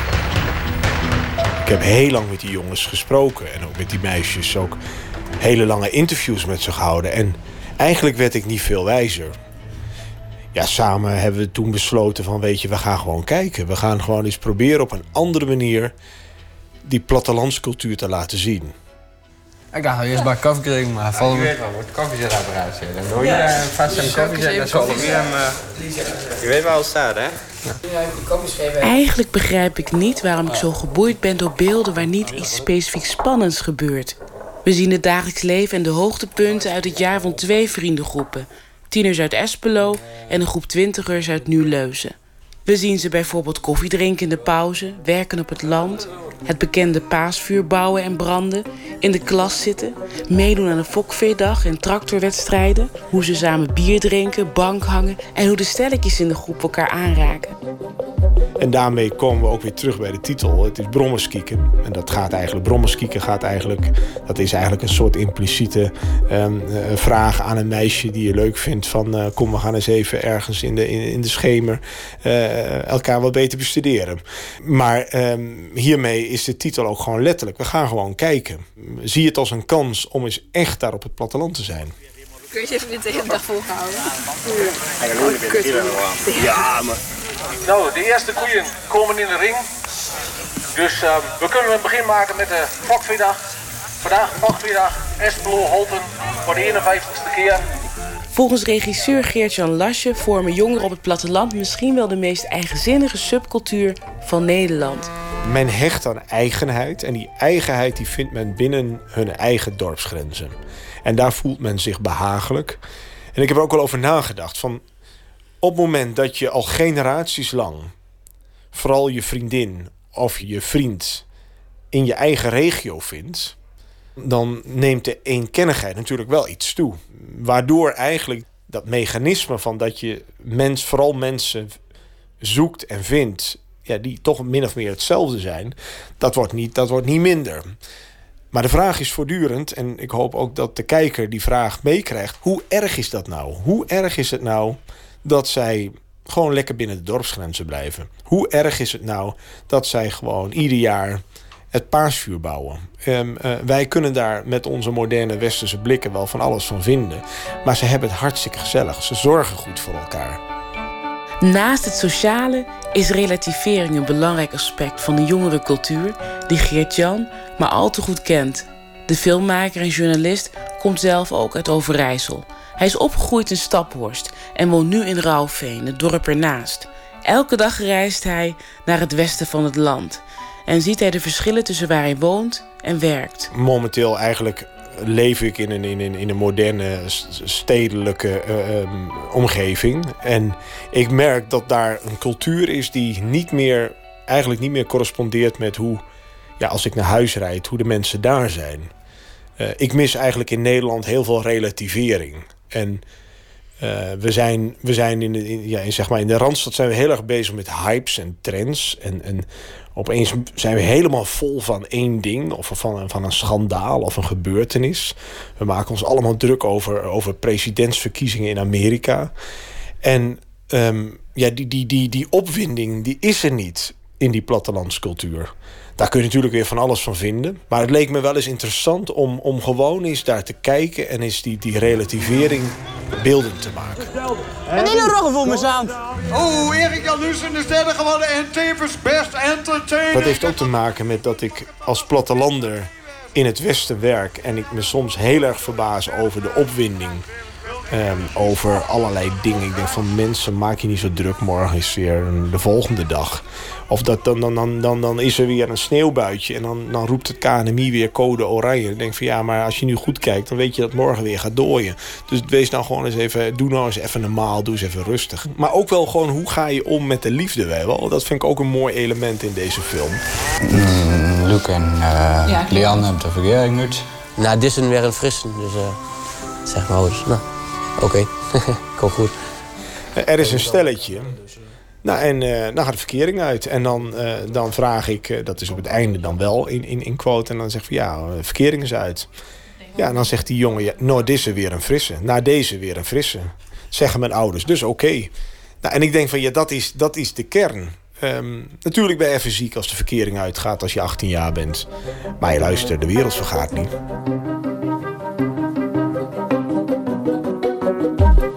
Geert-Jan wil een natuurgetrouw beeld laten zien. Vaak wanneer plattelandsjongeren op tv of in de krant komen, draait het om bier drinken. Bier drinken is een beetje de focus van media en mensen uit de Randstad op hoe ze naar de jongerencultuur op het platteland kijken. Eh, in deze film ben ik er eigenlijk achter gekomen dat bier drinken is een soort gewoonte. Een, soort middel om maar tot met elkaar in gesprek te komen. En om die groep maar ehm, gesloten en hecht te houden. En dan kom je eigenlijk wel uit op, op, op waar deze film over gaat. Het gaat eigenlijk over elkaar, met elkaar dingen doen. En vooral zorgen dat je er met elkaar uitkomt. En op het moment dat er een probleem is, dan zorg je met elkaar er wel weer voor dat het weer opgelost wordt. Het, het met elkaar. En daardoor is deze film eigenlijk een ode aan het maaiveld geworden. Ben je nooit zo heel hard Denk Nee, dat blijft staan, Sander? Blijf maar staan, Sander. Nou, nog geen alle vochten hè, jongens. In Brommerskieken zijn er weinig interviews. Ook is er geen vertellende stem die je door heel de film meeneemt in een verhaal. Maar Geert-Jan is niet bang dat kijkers hierdoor zullen afhaken. Het kan best zo zijn dat mensen zeggen van ja, hier kan ik niks mee. Ehm, eh, maar mijn doel is niet om, om hiermee platte televisie te maken. Het, het zou heel makkelijk zijn om on- onder deze beelden een ronkende stem te doen en die, de hele film vol te plempen met muziek. En dan heb je een giller en dan, dan haal je er zelfs, eh, dan, dan, dan, dan, kun je er anderhalf miljoen kijkers mee halen. Maar doe je dan niet weer precies hetzelfde? Je dan toch niet weer aan het sturen, aan het duiden, aan rode tomaten rood verven? Dus ja, wij hebben hiermee een, een, een artistieke keus gemaakt om, om gewoon echt te kijken. En in jouw films, als we naar oeuvre kijken, dan is altijd op de achtergrond iets van... Hè, wat drijft mensen? Ben je nou achter wat deze mensen drijft? Deze jongeren. Ze hoeven niet die grote dromen waar te maken. Ze willen graag gezond zijn. Ze willen graag een, een, een leuk gezinnetje. Ze willen een, een, een stabiele economische toekomst. Ze hebben genoeg aan elkaar. Op een fraai typische melkkoe met eh, heel veel uitstraling, beste benen en ook in deze rubriek ook met de beste uier. Met name om de aanhechting van de uier Nederland en modern Nederland. En ja, daar begeef ik mij ook in. Is, vind ik enorm individualistisch. We zijn allemaal bezig met van ja, zorgen dat ik het leuk heb. Of dat, dat ik dit voor elkaar kan krijgen. En daar, daardoor ontstaat ook heel veel nep-sociaal gedrag. En nep-sociaal kan niet op het dorp. Want dan, dan val je binnen een week door de mand. En dan heb je niemand meer. Nou ja, eh, soms dan merk ik wel eens dat mensen, dan, dan mensen, ook in de mediawereld, die zijn dan helemaal vol van, van, van nou, nu moeten we voor de bootvluchtelingen zorgen, et cetera, et cetera. Dan denk ik soms wel van, nou oké, dan en laten we dat dan eens even doen met z'n allen. Laten we dat nou eens even concreet in, in, in de praktijk brengen. En dan, dan blijft het vaak bij woorden. Kijk, we kunnen wel ontzet zijn van Afrika en de hongersnood. En dan roepen we ach en wee. En we, we zetten allerlei plaatjes op Facebook. En dan, eh, maar, maar, maar wat doen we nou concreet? En als daar iets gebeurt, iemand heeft brand. of iemand heeft de trekker kapot. dan is het gewoon twee telefoontjes en het is geregeld. Thomas, we hadden net over je buitenlandverhaal. Wat is voor jou de grootste uitdaging? Eh, ik denk toch wel zonder de camera en zonder eh, mijn ouders. En, eh, Ben je wel eens vaker zo lang of een langere tijd alleen weg geweest of met Nee. vrienden weg? ja, vakantie, maar ja, dat is een weekje. Dus eigenlijk vijf tot zeven. Langzaam wordt duidelijk waarom deze beelden van plattelandsjongeren me intrigeren. Het is alsof je naar een natuurfilm kijkt en van dichtbij als een vlieg op de muur ze observeert. De regisseur begrijpt deze vergelijking. Nou, ik denk dat wij als filmmakers als in een natuurfilm hebben rondgekeken. Om gewoon te beschrijven met beelden hoe ze leven. Dus we zijn niet geïnteresseerd in hoe ieder vogeltje praat en wat ieder vogeltje diep van binnen denkt. Maar we willen weten wat, wat de, de grote bewegingen zijn, wat de evenementen zijn, wat de grote happenings zijn. Ja, eigenlijk in de, in de vrije wereld, in de natuur. De documentaire Brommers Kieken is aankomende maandag om vijf voor half negen 's avonds te zien op NPO 2 in bijdrage van Nicole Terborg. Zometeen is hier het gast Flip Noorman. Eh, zijn liedje Als tijd niet bestaat gaan we nu naar luisteren.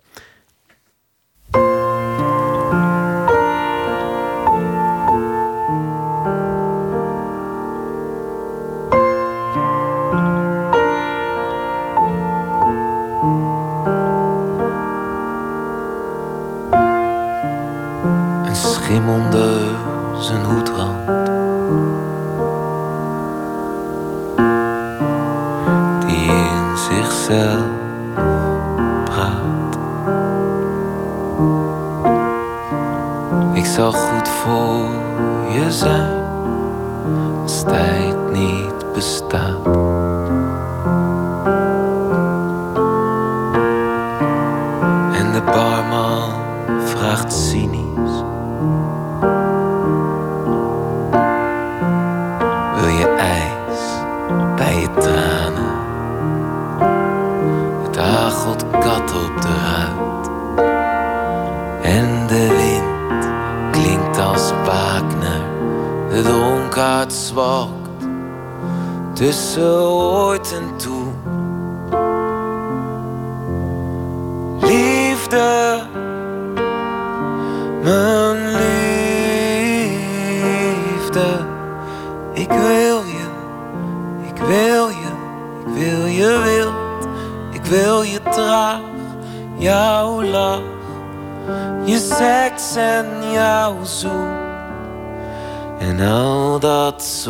Dingen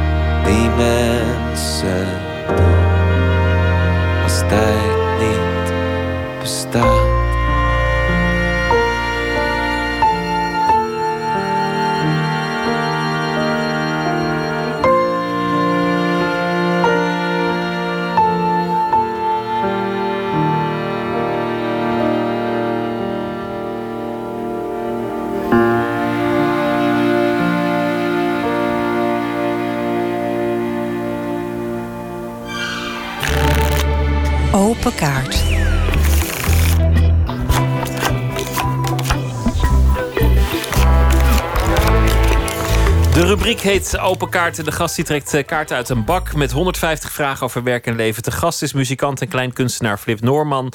Maakt eh, liedjes, maar doet ook andere dingen om zijn eh, theaterpubliek bij de les te houden. Bijvoorbeeld door met kettingen in pannen te slaan of het hele publiek te laten grommen. Hij is onderdeel van het collectief Het Nieuwe Lied, waarmee twaalf theaterzangers in wisselende samenstellingen optreden. En hij zal ook meedoen aan Shaffi Chantant in navolging op de avonden die Shaffi, Ramses Shaffi, 50 jaar geleden organiseerde voor eh, jonge kunstenaars. Welkom, eh, Flip Noorman. Dankjewel. Een, eh, een avond met, met, met lied en verhaal in, in de sfeer van Ramses Shaffi destijds. Wat, wat ga jij doen? Ik ga vooral mijn eigen liedjes zingen. Dus ik heb gewoon mijn eigen repertoire. En dat doe ik daar dan ook. Maar ik heb bijvoorbeeld ook een nummer geschreven voor een zangeres, Aukje den Hollander, die er ook in zit. En die gaat zij dan zingen. En wie weet komt er nog wat van Ramses Shaffi zelf langs. Maar dat verklap ik nog Nee, niet. nou dat zou zomaar kunnen, heb ik zo'n eh, heb ik zo'n vermoeden. Hoe is het begonnen, het, eh, het maken van liedjes? Poeh, oh ja. ehm, dat doe ik misschien al wel sinds mijn twaalfde toen ik in punkbands ging spelen. Dus toen ben ik gewoon met een elektrische gitaar, ben ik power chords die ik niet, nog niet eens echt kon spelen, ben ik gaan rammen. En toen ben ik meteen in, eh, in bandjes gaan, eh, eh, gaan spelen. Ja. Dus toch wel echt uit, uit de, de, de rock'n'roll hoek, de, de muziek, de bandjeshoek. Ja. Niet, niet zozeer uit de, de hoek van kleinkunst en, eh, en, en. Nee, dat is maar echt heel toevallig zo gegroeid eigenlijk. Dat, is, dat heb, ik, zo, heb ik eigenlijk nooit durven... Nooit zelf zo bedacht dat dat mijn pad zou zijn, nee. nee. Hoe is dat gegaan? Ja, het is een beetje een stom verhaal. Maar het was, ik had, ik had ehm, eerst conservatorium gedaan. En gedeeltelijk tijdelijk heb ik ook filosofie gestudeerd. En eh, toen dacht ik, nou, nu ga ik gewoon daarna muzikant worden. En dan maak ik mijn deeltijdstudie lekker af. Maar toen schaften ze deeltijdstudies af. En toen gaven ze me de keuze of je gaat nu voltijd studeren of je moet stoppen. Eh, of je mag wel deeltijd studeren, maar dan ga je 10.000 euro collegegeld eh, betalen. Dus toen ben ik maar voltijd gaan studeren. Dus toen kwam er niks van mijn hele muzikale carrière. En toen dacht ik, ja, maar moet ik wel een cd af hebben als ik dan klaar heb. Dus toen heb ik wel een cd gemaakt en toen was hij af. En toen dacht ik, maar nu, ik heb helemaal geen speelplek. Ik weet helemaal niks. En toen hoorde ik via via van iemand die ik kende... ja, bij het Amsterdams Kleinkunstfestival... als je dan tot de halve finale komt... dan kan je 15 keer spelen. Toen dacht ik, nou, dat is top. Dan moet ik gewoon die halve finale halen. Kan ik 15 keer spelen. En dan kan ik die cd verkopen. En ja, toen won ik het. En, eh, en toen ben ik er eigenlijk niet meer uitgekomen. Toen maakte hij ineens carrière in een hele andere hoek. Ja. Eigenlijk is het ook, ook een vrij kunstmatige indeling. Want, want als je iemand als Jacques Brel hoort, die liederen... die zitten vrij dicht tegen wat we nu kleinkunst zouden noemen. Ja, ik vind Terwijl- het een verschrikkelijke indeling. Ik zou, ik zou Ja. ook meteen eh, zeggen dat het niet meer gemaakt moet worden. Ja. Heel mooi. En jou- jouw liedje, eh, als, als tijd niet bestaat bijvoorbeeld... maar ook, ook andere liedjes, die, dat, dat is een, een soort van romantiek... die je bijna niet meer hoort in het Nederlandse lied. Ehm, ja, niet meer. Wie, ja. Het is- het is echt een- het is een- liefdeslied. Een schaars geweest, toch? Het, het echte liefdeslied. Ja, ja, dus toevallig dit liedje. Ik schrijf niet heel veel van dat soort. Het is toevallig mijn meest uh, ja, tragiromantische liedje. Uh, ja, wat wil je dat ik erover zeg? Waarom je het niet meer zoveel hoort? Of ik daar een, dat ik dat jammer vind? Nou, weet ik eigenlijk niet wat ik erover wil horen. Ik vond, ik vond het interessant om op te merken dat, Ja. dat, eh, dat het nog eh, gebeurt en, en met overgave. Nou, ja, dat, uh, dank je, geloof ik. Zullen we beginnen met eh, de kaarten? Hier zijn ze. Ik wil je Mhm. vragen om er één eh, te trekken. Oké. Gaan we. Heb je een levensmotto? Wauw. Ehm. even denken hoor. Ik vind het wel moeilijk. Heb jij een levensmotto? Even Nee, ik heb, ik heb geen levensmotto. Nee, dat is... Ik, ik zie hier ook het nut niet van in. Nee, hè? Nee. Nee, het is je- meer... Wat ik wel... Ik ben redelijk nihilistisch ingesteld qua denken. En, ehm, en mensen vinden dat vaak heel negatief. Dus ik heb bijvoorbeeld een liedje dat heet... Na Loetje een soort van eh, vage eh, verbasteringen van... heb ik alles van waarde zal vergaan. Een soort van... Je, het is weerloos, maar het is nog pessimistischer. En heb ik alles van waarde zal vergaan. Dat is een soort van motto. Maar ik vind dat niet zo negatief. Ik vind dat juist wel positief of zo. Van als alles zinloos is, kan je het net zo goed ook allemaal wel doen of zo. Dus ik vind daar juist een bepaald soort optimisme en nihilisme zitten die me heel erg aanspreekt. Ja, want al- alles van waarde zal vergaan. Ten eerste is het volgens mij gewoon waar. Ja. Alleen de termijn is nog een beetje de vraag per, per object. Ja, ja, maar dan kan je ook uit distilleren dat, dat, je, dat je er vaart achter moet zetten. Dat, dat je niet moet aarzelen. Ja, precies. Terwijl, hoe heet het, dat, dat ben ik dus helemaal met jou eens. Want terwijl heel veel mensen het eigenlijk met een soort van depressiviteit eh, associëren die ik er niet in zie, zeg maar. Dus dat, dat zou een levensmotto kunnen zijn. Maar zelfs als je dan een levensmotto hebt, dan, dan de meeste mensen hebben een heel mooi motto en die leven daar vervolgens helemaal niet naar. Omdat het gewoon niet zo is dat als je nou eenmaal het motto hebt, dat dan het leven beter gaat. Ja, maar ik heb het vraagje niet in de kaartenbak gestopt. dus, eh, Ik ja. ook niet, maar het is best een goede vraag. Ondanks Ja. dat het onzin is. Trek nog een kaart als je Terug wil. nog een kaart. Oké. Wat is het laatste boek dat je hebt gelezen? Ehm, even kijken hoor. Ik lees er altijd een beetje een paar eh, tegelijk. Maar ik heb eh, qua roman is dat boek van Grunberg, denk ik, het laatste van ehm, over die psychiater. Hoe heet het? De moedervlekken. Oh ja. En qua meer filosofie ben ik nu in Al dus sprak Zarathustra van Nietzsche bezig. Oh, dat is ook wel, ook wel lekker vrolijke kost. Ja, dat is, eh, ja, dat is heel vrolijk, ja. Maar ik vind hem geweldig. Ik vind misschien, ik heb... eh, ehm, ik vond voorbij goed en kwaad vond ik altijd fantastisch qua taal- taalgebruik. Zo bombastisch en alles weer klinkt. En het is ehm, zo heftig en ehm, zo goed destructief opgeschreven. En Zarathustra is iets ehm, bijna religieuzer of zo, bijna bijbels opgeschreven. Dus ik moet eerlijk zeggen, ik heb nu pas tien bladzijden gelezen, maar ik moet er nog wel echt inkomen. Ja. Maar is het niet net met hem ook een beetje dat hij vaak negatiever is afgeschilderd dan, dan die werkelijkheid is? Dat als je tussen de regels leest, dat er juist heel veel Ja. levenskunst in verscholen zit. Je kan hem in ieder geval aardig misbruiken, geloof ik. Dat hebben, Dat hebben velen voor je gedaan. nou, de Duitsers vooral, toch? Die hebben Ja. Nietzsche met zijn ubermens idee... hebben ze redelijk als een eh, fascistisch symbool eh, weten te gebruiken. Dat is, maar Nietzsche is inderdaad wat dat betreft voor mij wat optimistischer. Dat je... eh, Je kan het ook zo lezen, een ubermens, het is iets om naar te streven... dat je probeert om, om het beste uit jezelf te halen. Ja, dat, dat zo wil ik dat dan eh, lezen. Al denk ik dat Nietzsche misschien zelf ook wel echt een bepaalde afschuw had voor bepaalde mensen die hij echt walgelijk vond. En misschien niet dood wenste, maar eh, ook niet echt veel mee op had. Dat hij dacht. eh, tegen het eind van zijn leven juichte hij voor natuurrampen. Van haha, weer honderd sukkels dood. Oh ja, Dat is, een is heel dat zo? vrolijke man. Is dat echt? Ja. Wat gaaf. Trek nog Ja, een kaart als je wil. Ja. Eh, wat is je sterkste eigenschap? Oh god. Oh. Ehm. Ik zou bijna zeggen dat ik zo ad rem ben, maar nu ben ik al vijf minuten aan het denken over deze over vraag. dat antwoord. Over dat vraag, ja, nee. Ehm. Ja, het is moeilijk te zeggen, toch? Je bent voor, voor jezelf wel een beetje altijd een, eh, een blinde vlek, toch? Dat je, dus dat, eh, Je gelooft niet echt in zelfkennis.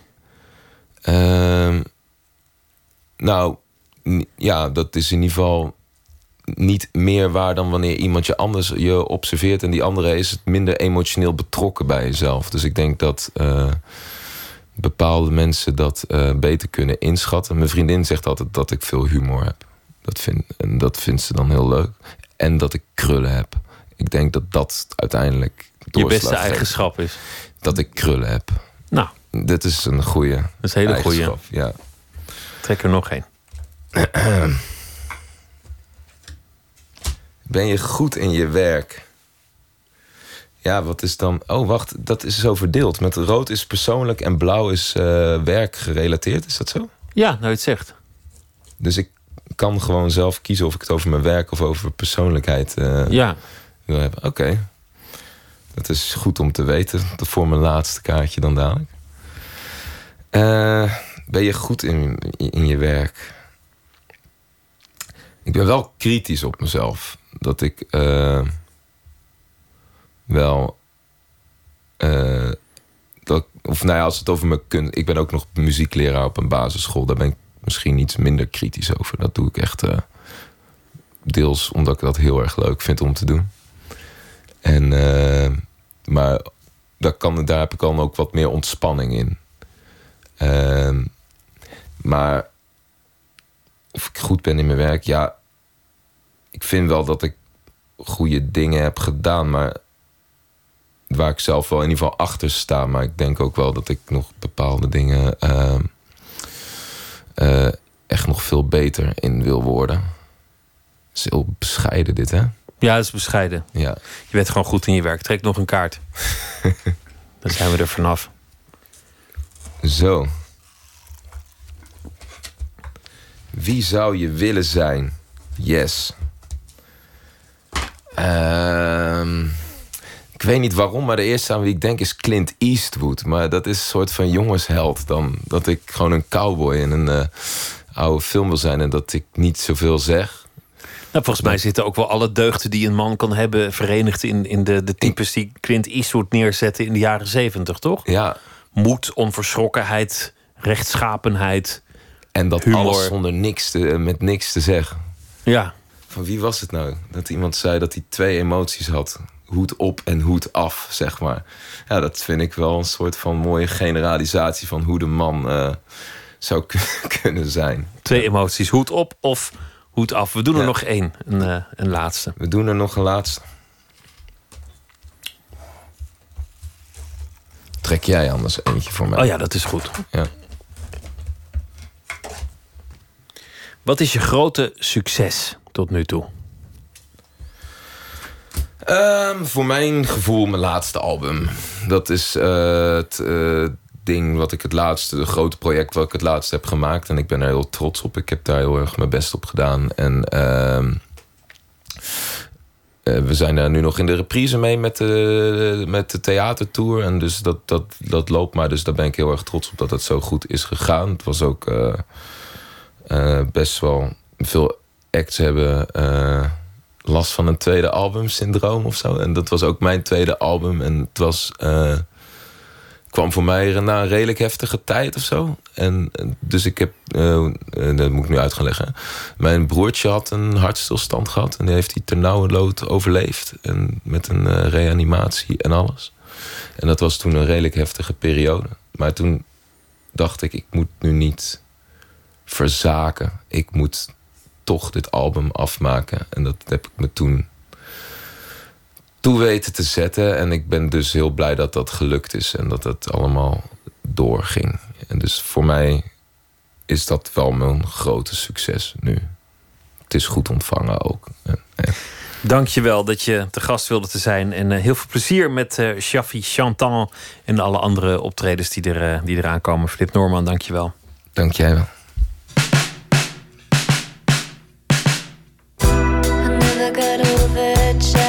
Dreaming. Guess I have my head up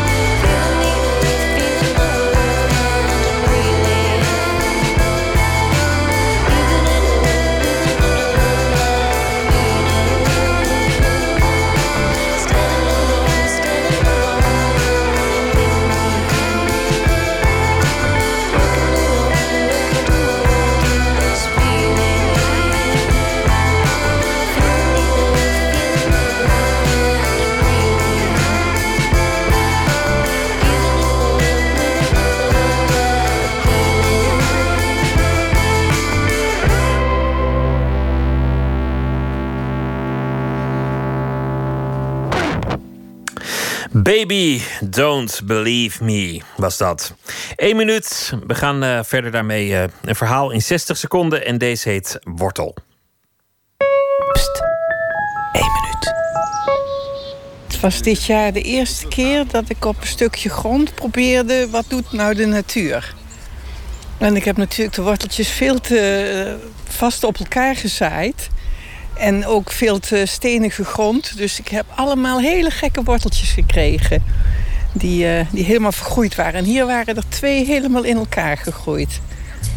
En die heb ik ook aan een vriend van mij. Die heb ik helemaal mooi ingepakt. Eerst een foto van gemaakt en toen aan een vriend van mij gegeven. En die heeft er ook allemaal foto's van gemaakt en die heeft ze ook altijd bij zich. Kijk, het zijn net twee kopjes en dan of twee lijven om elkaar heen kronkelen. Het is een beetje seks, eigenlijk wel.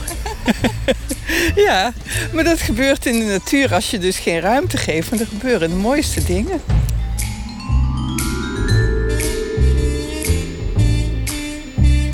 Eén minuut gemaakt door Bente Hamel.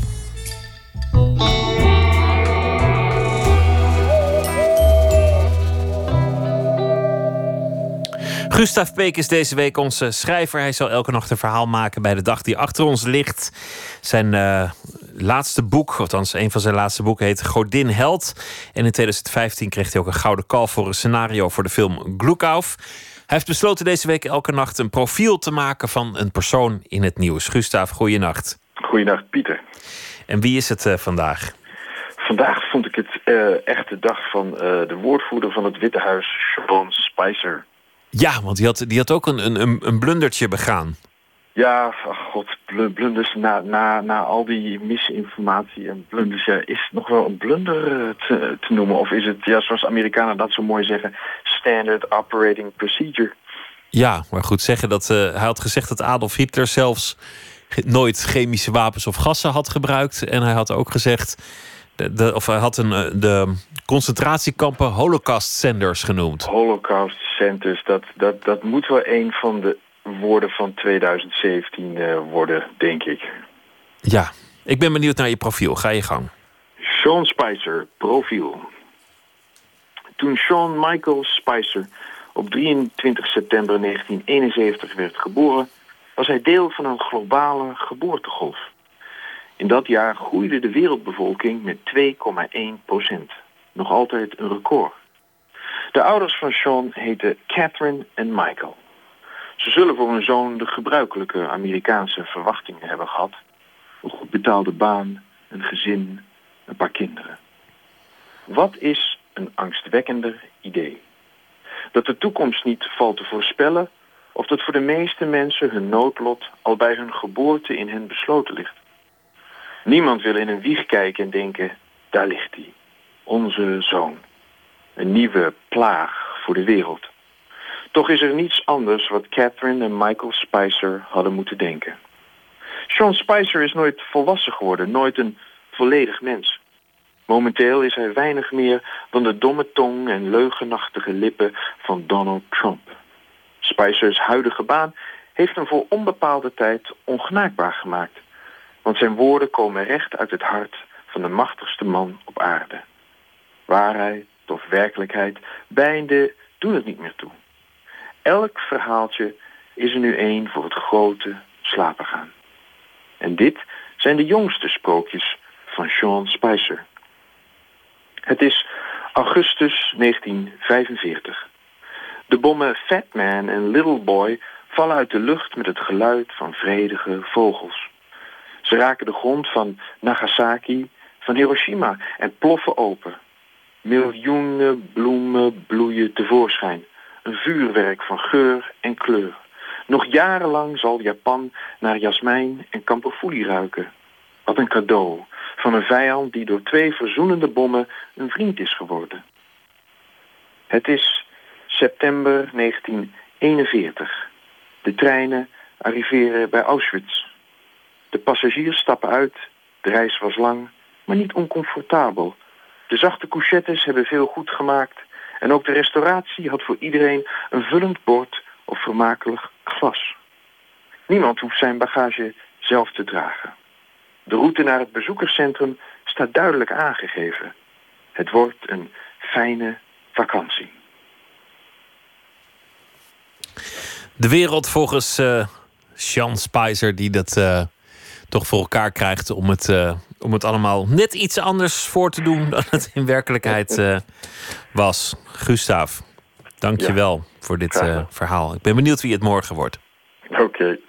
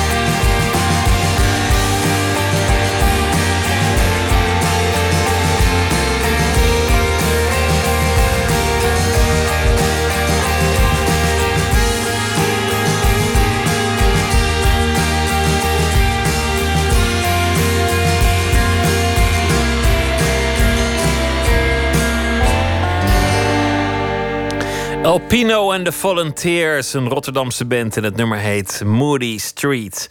We eindigen met poëzie van vrouwtje Tuinman. Elke nacht deze week een eh, gedicht van haar. Deze heet Medisch Wonder.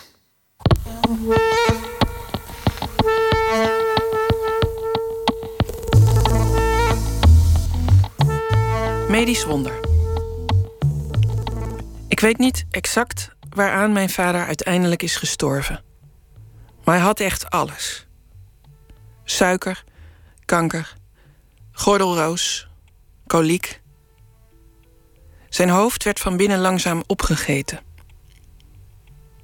Aan de buitenkant zag je alleen die wijnvlekken, maar in zijn borstkas zat iets klem. Aan al die defecten kun je, volgens Freud, betekenis ontlenen. Helemaal omdat hij zelden klaagde. Niet over de ziektes. Alleen over alles dat door anderen kwam. Daar heb je het al. Het hart en de prostaat. De plekken waar het lichaam zaken opslaat die het daglicht niet verdragen. De suiker als compensatie voor zijn bittere adem. De gordelroos om hem niet langer aan te hoeven raken. Ten slotte was de schedel leeg en won de wereld van mijn vader. Ik werk heel graag vanuit uh, een soort van inventaris. Soms zijn dat lijstjes met plussen en minnen. Soms zijn het gewoon opsommingen. En in dit geval was het een vrij letterlijke opsomming dat ik me echt heel veel jaar na de dood van mijn vader, omdat ik een bundel aan het schrijven was over onze omgang met het lichaam, het menselijk lichaam en, en, en het proberen ons leven te verlengen enzovoort. Maar afvroeg van wat had hij eigenlijk allemaal? Nou, hij had inderdaad dus echt alles. Dit is een soort schatting, maar het is veel. En het mooie met poëzie is dat mensen altijd vinden dat er meteen een eh, tweede laag achter elk woord zit. Dus dat geldt hier ook voor al die ziektes. Terwijl als je goed naar de werkelijkheid kijkt, dan hoef je die tweede laag helemaal niet te verzinnen, want die is er gewoon. Je hoeft hoogstens wat dingen die te erg zijn weg te laten. Medisch wonder. Ik weet niet exact waaraan mijn vader uiteindelijk is gestorven. Maar hij had echt alles: suiker, kanker gordelroos, koliek. Zijn hoofd werd van binnen langzaam opgegeten. Aan de buitenkant zag je alleen die wijnvlekken, maar in zijn borstkas zat iets klem. Aan al die defecten kun je volgens Freud betekenis ontlenen. Helemaal omdat hij zelden klaagde. Niet over de ziektes, alleen over alles dat door anderen kwam. Daar heb je het al. Het hart en de prostaat. De plekken waar het lichaam zaken opslaat die het daglicht niet verdragen. De suiker als compensatie voor zijn bittere adem. De gordelroos om hem niet langer aan te hoeven raken. Ten slotte was de schedel leeg en won de wereld van mijn vader. Vrouwtje Tuinman las het gedicht Medisch Wonder. Morgen zal ze weer een gedicht voordragen. Dan zit hier Esther Naomi Perquin en die gaat in gesprek met muzikant Jim de Groot vanwege de muzikale voorstelling We Are Family.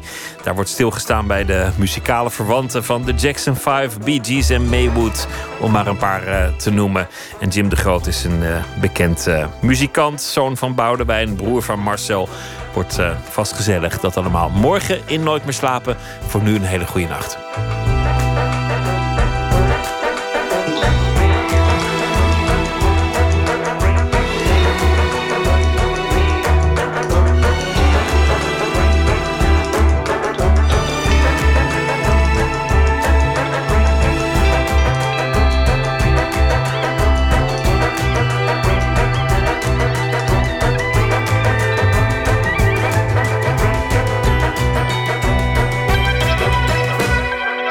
Radio 1, het nieuws van alle kanten.